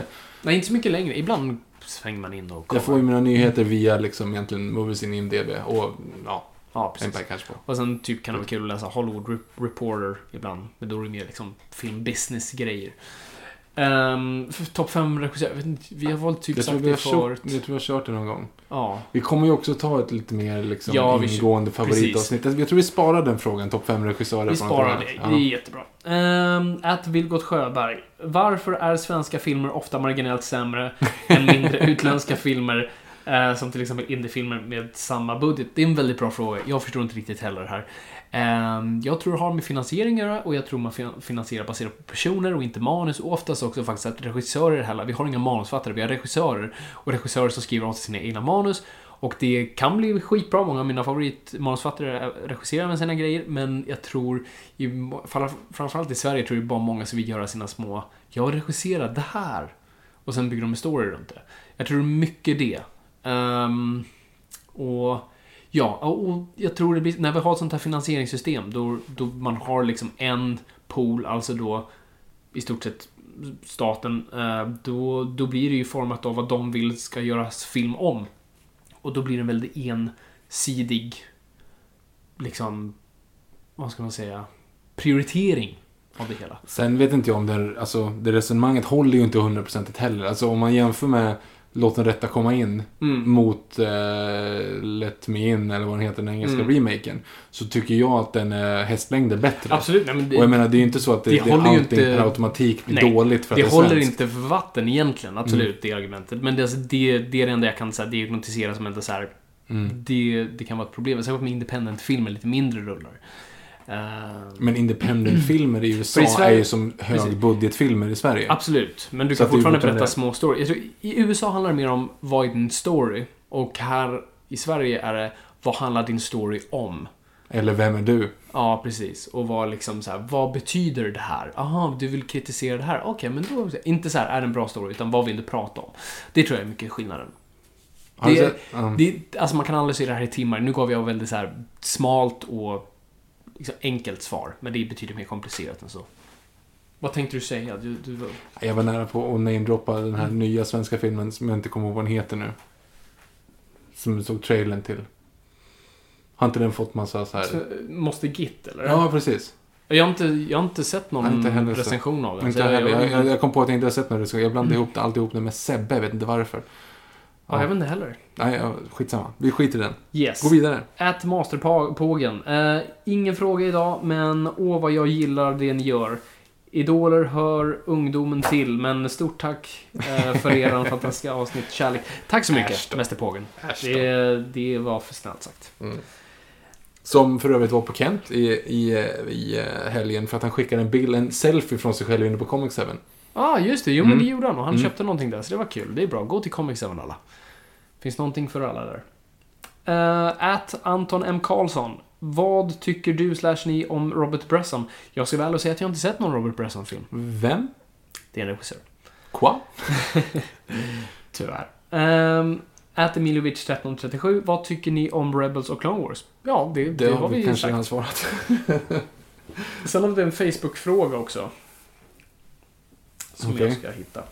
Eh, folk frågar på Facebook, det är ju kul.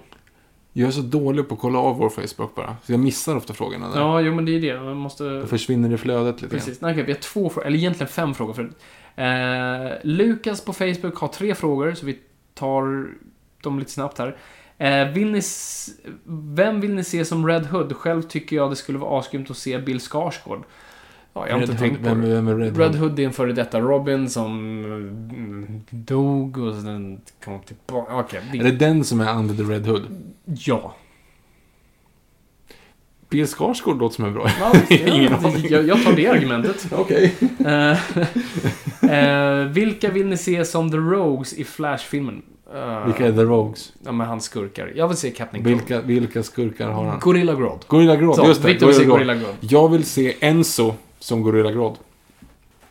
Uh, I Gorillan på Kolmården. Jaha, ja, men det är, det är ju Ja. bra. Eh, Captain Cold är alltid en, en favorit, så det, är- det är kul. Uh, Är det han som är förkyld? Ja, hela tiden.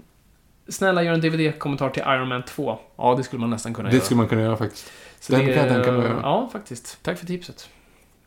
Och sen har vi Hampus på Facebook som har en fråga. Hur lång tid tar det innan vi får en remake på Harry Potter-serien? Tack för en bra podd.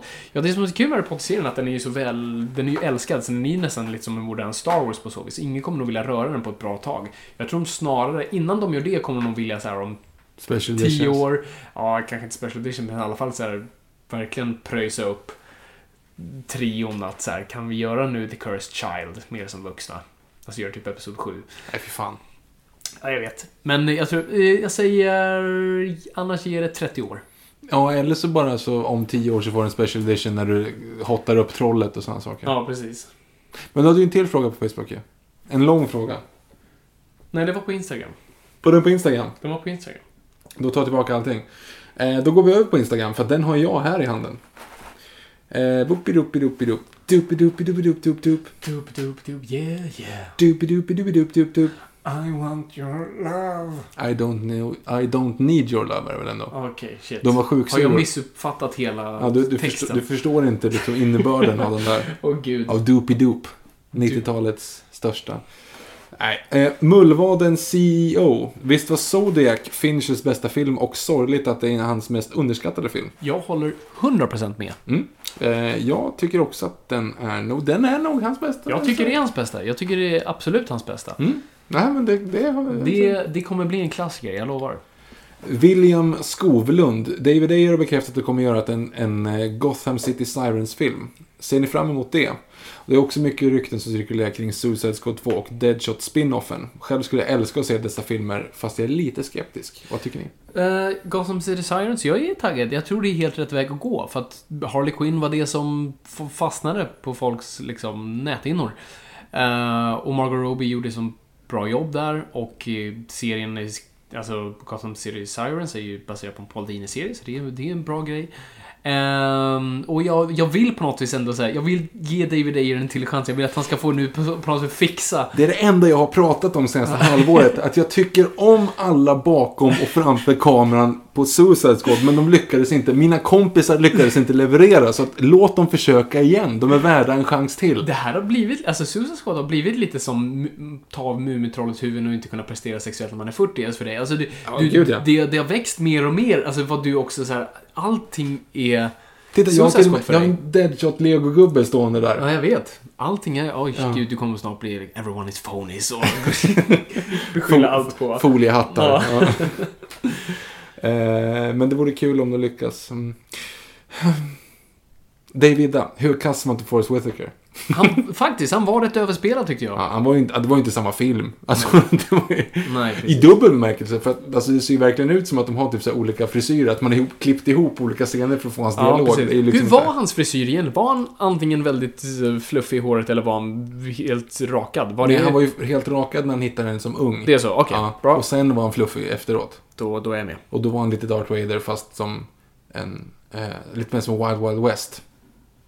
Ja, faktiskt. Det är... Fan du, det är helt bra. Ja. Det var, Han, han är Kenneth Branagh. han är Kent Branagh, han är hemma där.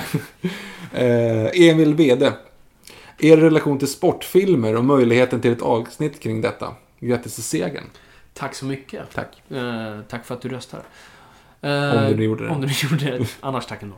Ehm, jag vet inte, sportfilmer. Ja, det, det vore kul att göra ett avsnitt om det. Jag är, det, jag är kommer redo. Det kommer ju bli en nörd och jag fast omvänt igen. Absolut. Nej, men vi kommer göra det, Ja. garanterat. Eh, jag måste bara se lite mer sportfilmer. Mm. Nej men Goal har du väl? Nej det kanske inte Nej, jag har Den sett men jag har den sett gick ju på Green Kanal Street Plus. Hooligans, men det handlar ju inte om sport, det handlar om huliganer. Ja. Så att det, Nu ser jag också att Emil Wede här har ju eh, West Ham som klubblogga här på sin profilbild. Så att det var lite intressant att nu ser att... eh, alltså Green Street Hooligan handlar om West Ja, Ham-supportrar. okej, Så är att jag jag trodde att du skulle reagera på det, men jag kom på att du nej, vet ju inte det. jag så har att- ingen aning. Nej.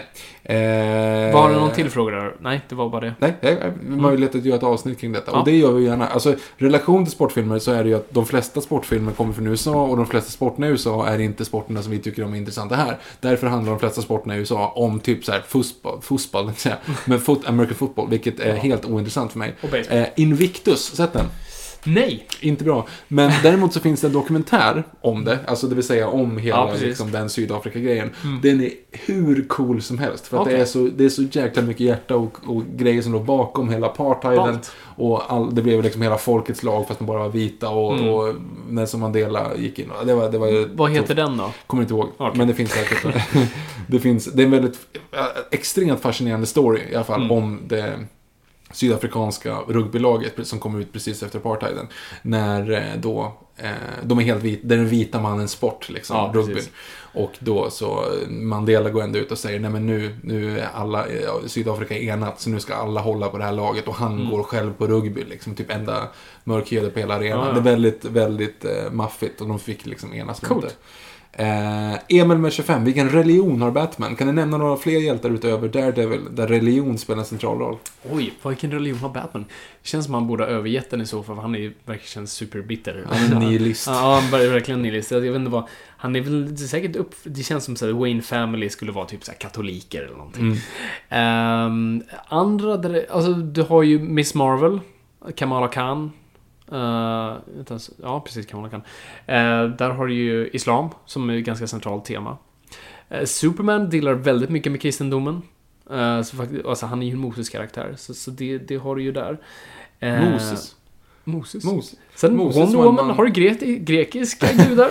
Ja, men hon, det borde inte räknas. Alltså, för hon är ju en, hon är ju en gud. Ja, i min... Och jag menar, Thor, han är ju också asatron. Alltså, han är ju en gud bokstavligt. Så det är ju fel. Det är, det är det som är lite roligt just att, att eh, Captain America tror på Gud Mm. när han har träffat asatron. Han måste ju helt bevisat att asatron är rätta tron. Det är typ den bästa repliken i Avengers.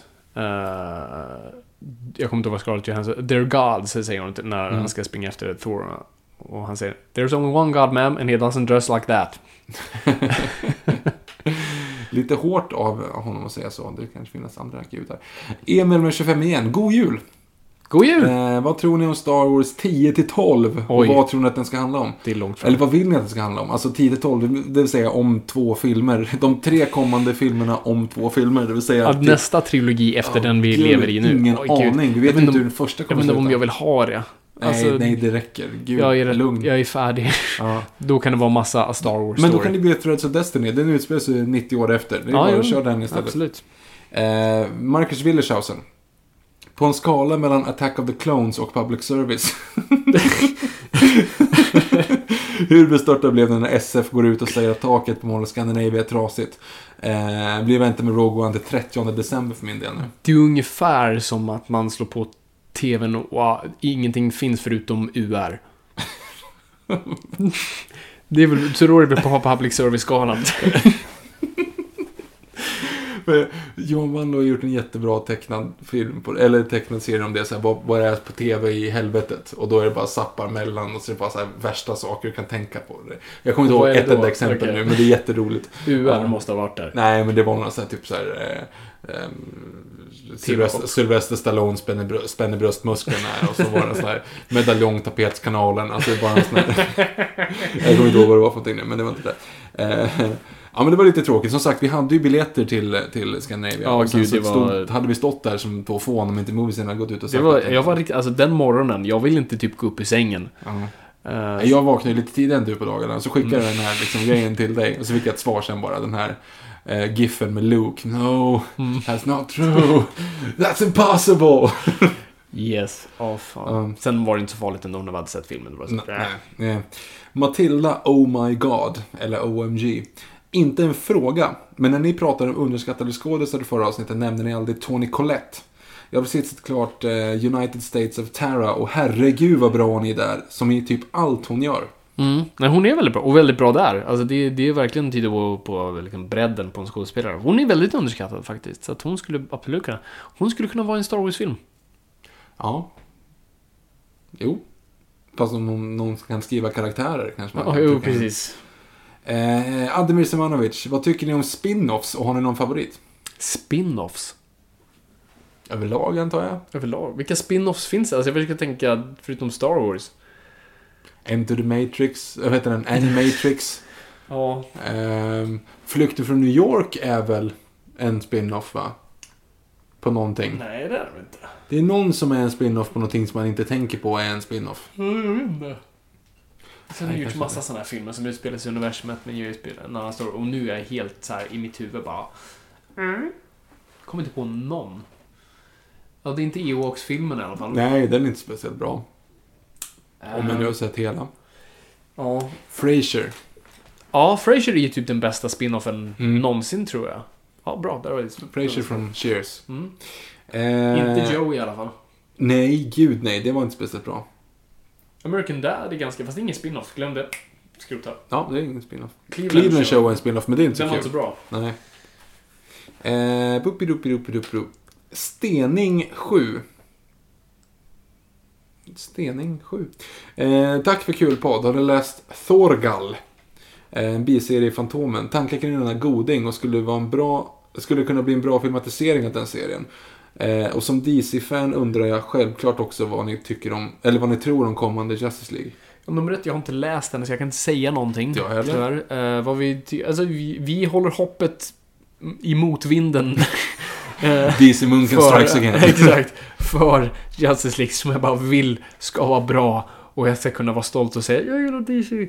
Mm. Så att jag, jag håller hoppet uppe. Jag gillade teaser-trailern. Mm. Jag gillade också teaser-trailern. Förutom att de nu har gått på softspotten liksom. Jag vet, de gör det. Men ja, vi får se. Varför klippte de in så mycket musikvideos i Suicide Squad, Fabian? Fortsätt Viktor. Varför, varför la de in... Åh, de tog trailern rakt av. Åh! Josef Holmgren förklarar uttrycket Mary Sue i någon film. Uh, Mary Sue, och gud, ja men det är när en karaktär, eh, eh, bara kort och gott, det är när en karaktär är för bra helt enkelt. Den är bäst på allt, kan allt och klarar allt galant. Och många jämförde eh, då Ray i Force Awakens med Mary Sue. Och jag kan delvis hålla med om det. Inte 100% men, men absolut. Det, det skulle kunna vara ett, ett, ett slags exempel. Vadå, som Superman? Ja, Superman skulle kallas för en Mary Sue. Jag tycker personligen inte det för att jag tycker han, han har så mycket... Alltså, du kan absolut göra honom till Mary Sue, men jag tycker den karaktären som han är utformad inte är Mary Sue för att han har så mycket inre konflikter. Som Erik Ponti. Erik Ponti är en Mary Sue. Tack, bra. Löst. Och Arn.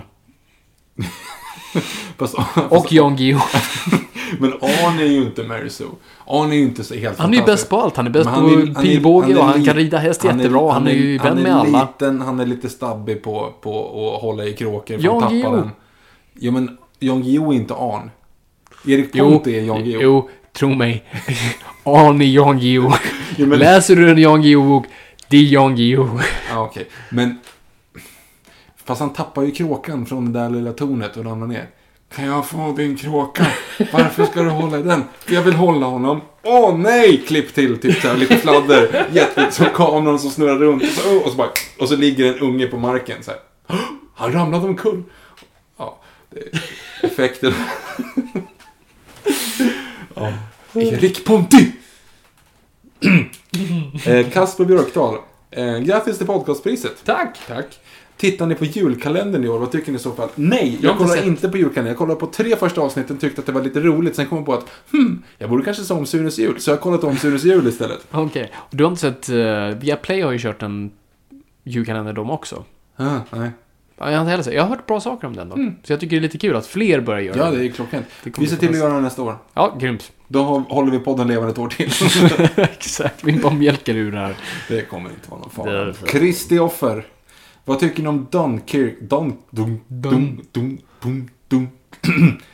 Dun, Skota! Dunkirk? Dunkirk? Dun, Dun- dun, Dunkirk. Dun, Dunkirk. Det låter helt fel att säga så. Dunkirk. För då, vill, då borde det vara D-U-N-N-E om det ska vara Dun. Uh, Dunkirk? Dun, dun, Dunkirk. dun. Som de säger. Ligger inte det i Frankrike? Det är någon ö typ mellan England och Frankrike som är brittisk och det är väl det som är lite, ja. Fortsätt, vad var frågan? Eh, vad tycker ni om den trailern? Jag tyckte om trailern. Ja. Det var en sån här trailer som såhär, åh det är så här trailer ska vara. Den försöker bara etablera vad filmen vill ge för känsla. Den gör ingenting mer, den gör ingenting mindre. Den känns som en, liksom ett mood piece. Jag gillar det. Och det är inte den bästa trailern jag har sett, och det ska det inte vara. Nej, Nej men jag Nej. tycker inte om trailers längre efter att ha sett Suicide Nej, jag, vi, jag- vi vet Victor. Eh, Uddenberg, först av allt, stort grattis till vinsten. Tack. Sen har jag även skrivit i chatten om Rogue One spoilers. Eh, ni får gärna diskutera kring det där. Nu ska vi se här nu. Och sen så undrar han om vi har några smakprov för 2017 års poddmaterial. Ja, slutligen gott nytt år och god jul. Har du hans långa... Jag har det, och det var ett jättepassionerat och fint, långt um, mail, heter- kan man säga mail? Ehm, och det, ja, alltså, jag tänker bara dra slutet här. Du, du hade väldigt bra poänger, men det, det, vi har gått för lång tid. Och du diskuterar egentligen mycket av det vi har diskuterat, så du, är- du är right on the money.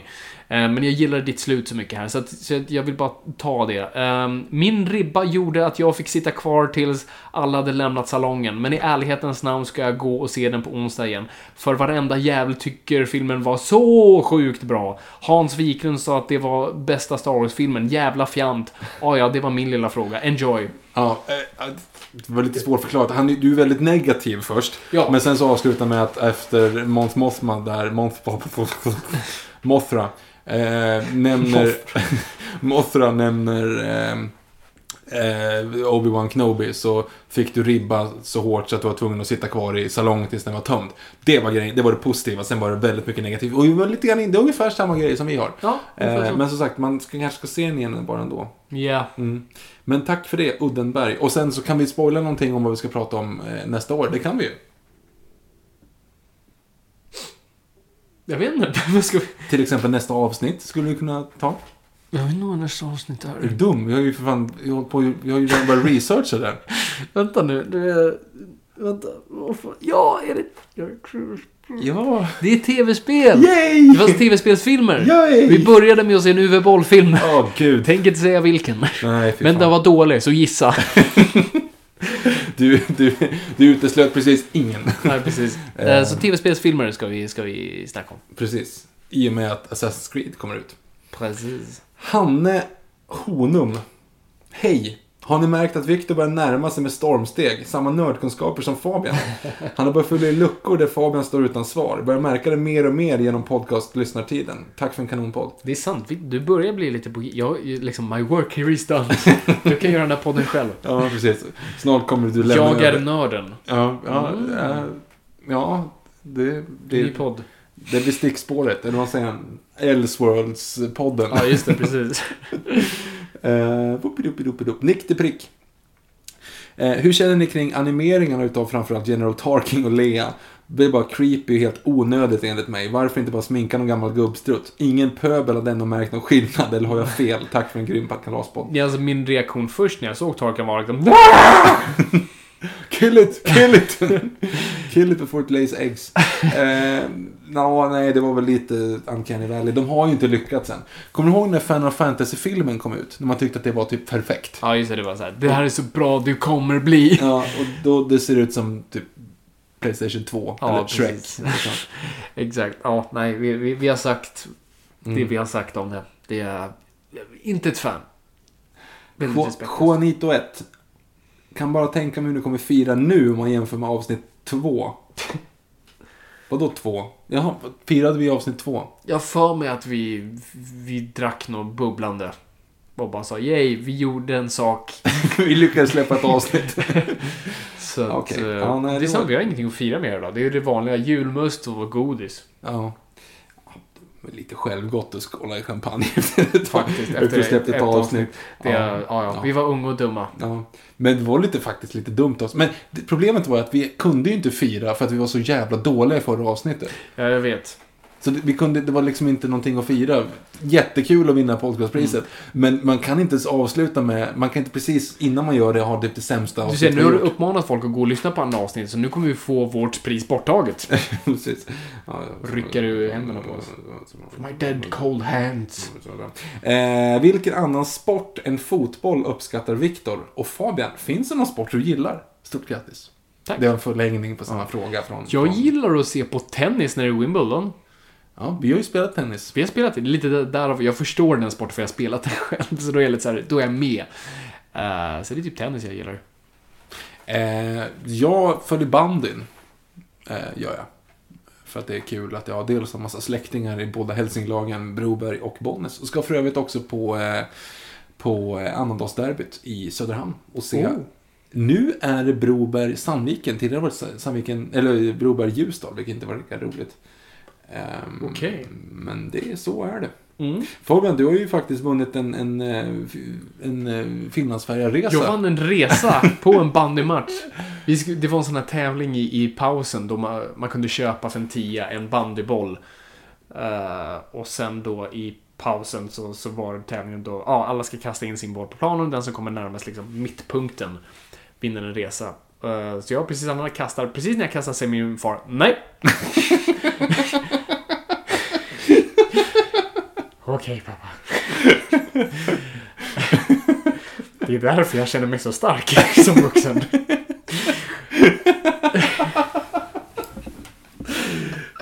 Men han fick äta sina ord. För att den sonen kastade bollen som vann honom en Finlandsresa. Men du tog med honom ändå på resan? Jag var inte myndig, jag fick inte välja. Jag tänkte att du skulle liksom, som att han, han inte trodde på det, att du åkte med Det var kul om han bara tog resan.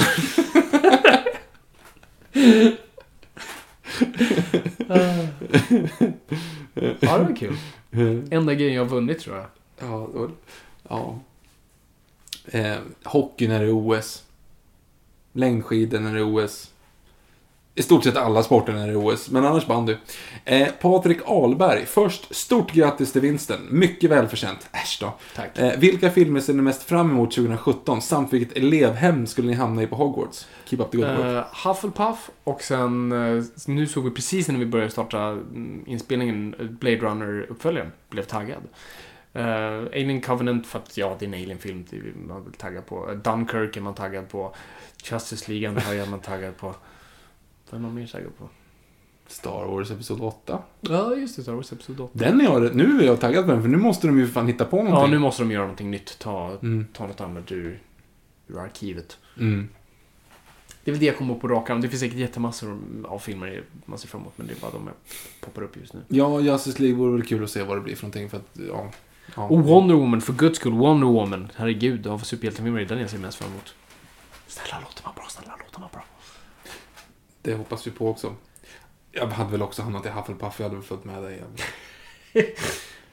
eh. Mullvadens CEO. Igen. Har två frågor till mig. De två Oj. sista frågorna. Stort grattis till vinsten. Tack. Eh, vad tycker ni om public service? Och är SVT och S- SR vänstervridet? Uh, oj. är vi rätt forum för det här? Eh, jag. Uh, jag har ingen aning. Det, det sägs väl det. Uh, och det är väl dåligt i så fall, för det ska väl vara så alliansfritt som möjligt, antar jag. Uh, så det är väl inte bra. Uh, jag vet inte. Känns som ett minfält det här. Gå inte där! Gräv, Um, gräv, gräv, tåg, gräv så djupt du kan. Sök efter guld, sök efter guld. Tänk om du guldet. Fan, vilken film kommer det jag ifrån? har ingen aning. Pumba och Timon. Åh, jo, det fanns Eh, när han hittar en, när han drar ett streck och säger liksom så här, här är min Mm. sida, där är din. Allt du hittar får du, allt jag hittar. Och då hittar ju eh, Pumba en jättestor guldklimp. Eh, och Timon hittar en eh, kapsyl.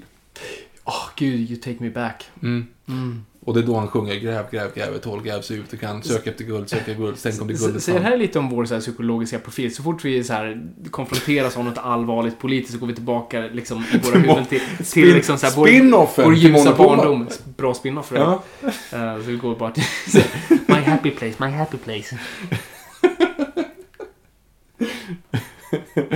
Eh, Okej, och så vill han att nu som sista fråga att vi ska redogöra vad vi exakt gjorde när vi fick reda på att vi hade vunnit Sveriges bästa podcast inom film och tv. Um, du fick reda på det först, så jag. Mm, jag satt på jobbet och så fick jag en, en, eh, en no- notification på Instagram. Så här, vi har ju push på Instagram. Och då stod bara så här, vinnare av Svenska podcastpriset inom film och tv är, stod det punkt, punkt, punkt. För att det, alltså, det var Jag fick för inte kort. plats. Mm. Ja, det fick inte plats. Och då såg jag så här, men fan varför får jag den här som en, alltså får jag den som en taggad grej liksom? Mm. Jag förstår inte, är det liksom att de taggade, vilka svin det är om de har taggat alla som var nominerade Ja, och så bara så precis. måste man gå in på den och så bara tada! Så att jag visste inte det. Men grejen är att jag hade ju preppat, jag, jag visste ju liksom, jag, jag trodde ju inte att vi skulle vinna. Jag trodde faktiskt att Over to Dick de skulle ta det. Ja, jag så att jag, jag hade ju eh, gjort massa gifs till dig. Alltså så här, jag visste att jag skulle skicka liksom så här, Ja, ungefär som att, ja men så här, vi försökte i alla fall. Eller liksom, ja, du vet, olika Mm. Lite sådana. som Hillary Clinton gjorde, så här, hon tänkte när jag vinner ska jag göra det här. Och sen så bara, whoops. Ja, precis. Fast men jag Fast tänkte, tvärtom. Fast tvärtom. Så jag tänkte, jag hit, försökte hitta så här, de roligaste gifsen jag kunde hitta. Ehm, Eh, och var beredd att skicka det, skicka det till dig. De, de då, alltså bara så här, ge upp GIFs. Och sen då så när jag går in på Instagram så ser jag liksom vinnare och så var det ju Daytonas hemsida då. Då var det någon sån här sparkle och så bara badam, nördade jag. Och då hade jag inga GIFs. Så visste jag inte vad jag skulle göra. Så vad jag får sen minuten efter är bara en GIF på en vrålande Godzilla. ja. Och jag blev så här, det är för att ju. Okej, vad betyder det? Eller antingen liksom, jag är arg och jag tänker förstöra en hel stad. Eller liksom ståtligheten av att vråla lycka. Jag så jag bara inte- ringde dig. Jag vet inte ens vad det, vad det betydde. Det var, blev bara en, Nej, en men det var bra Godzilla-GIF. Ja. spontant, kom, kom Ja. från hjärtat. Mm. Så det var så, jag fick reda på via dig. Mm. Så är det! Så är det. det! Det här var det sista. Det här är vårt sista avsnitt det här året. Och Det det. inför jul. Så god jul för det första och gott nytt år. Och ta det Tack. försiktigt där ute. Eh, vi ses nästa år. Det gör vi. Hur, hur har, snabb recap nu då, 2016 bara. Mm. Vad har varit bäst? Alltså så här, som jag sagt till många. Det har varit, för liksom världen har det varit det värsta året på länge. För mig har det varit det bästa året i mitt liv. Karriärsmässigt, alltså podden har gått bra, podden vann priset, men också alltså, Bamse hände och allt det roliga som jag gör nu. Eh, så för mig har det varit så här, woho! Medan världen har gråtit floder. Mitt år har sugit, förutom möjligtvis sista månaden. Men annars, vi hoppas på ett bättre 2017 och ett bättre filmår 2017. Säg inte så, ja, det går jättebra. Okej, jo visst, det får gå bättre, sure. Ja, eller eh, Så så är det. Så är det. Ehm, ja, nej men tack så jättemycket ni som har lyssnat för, för egentligen, det här var år två. År två. Ja, år Nästa två. avsnitt släpper vi då första veckan i januari. Då är det inte riktigt två år sedan vi släppte första. För Nej, vi det är släppte första februari, avsnittet i, Nej, vi släppte första avsnittet den 17 januari. Så det är egentligen Okej. tredje veckan då Ja, i men januari. då, då firar vi då med... Så de två avsnitten är två då, år. då skålar vi med champagne igen. Det kan vi Ehm, göra. Då är vi värda och inte bara för att vi släppte ett avsnitt. Precis. Ehm, så att, bara stort tack för att ni har fortfarande med oss. Det, vi kan knappt fatta det och baserat på hur långt det här avsnittet är så fattar vi inte. Ehm, Nej, precis. För att alla vi pratar med som, som känner oss är varför gör ni sådana här långa för? Vad, Men är så här, typ ingen jag känner lyssnar på det här. Det är nästan så Nej, här. nej, jag var så här hur, kul med podden. Så här, ja, så här, vad är det ni pratar om egentligen? Så och så går de in och kollar. Så här, vadå, två och en halv timme? Är det någon som lyssnar på den? Jag hoppas det.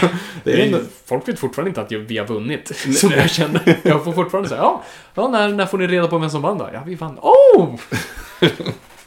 ja, det är kul. Så det, det är härligt. Så stort tack till, till er lyssnare. Det är ni är fabulösa. Så vi Oh, ser fram emot ett till år av bra avsnitt och vi hoppas att vi inte får slut på dem. Och ja, annars så försöker vi improvisera. Tack Viktor för det här året. Tack Fabian för det här året. Och god jul. Och god jul. Och kom ihåg oss folk, ingenting är för nördigt.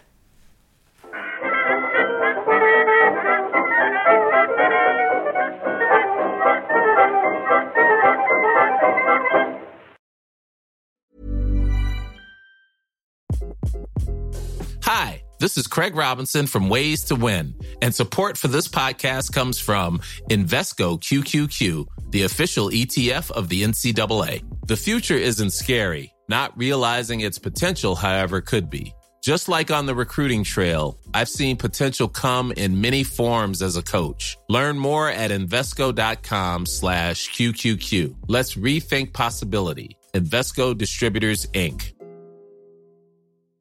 Want flexibility? Take yoga. Want flexibility with your health insurance? Check out United Healthcare Insurance Plans. Underwritten by Golden Rule Insurance Company, they offer flexible, budget friendly medical, dental, and vision coverage that may be right for you. More at uh1.com.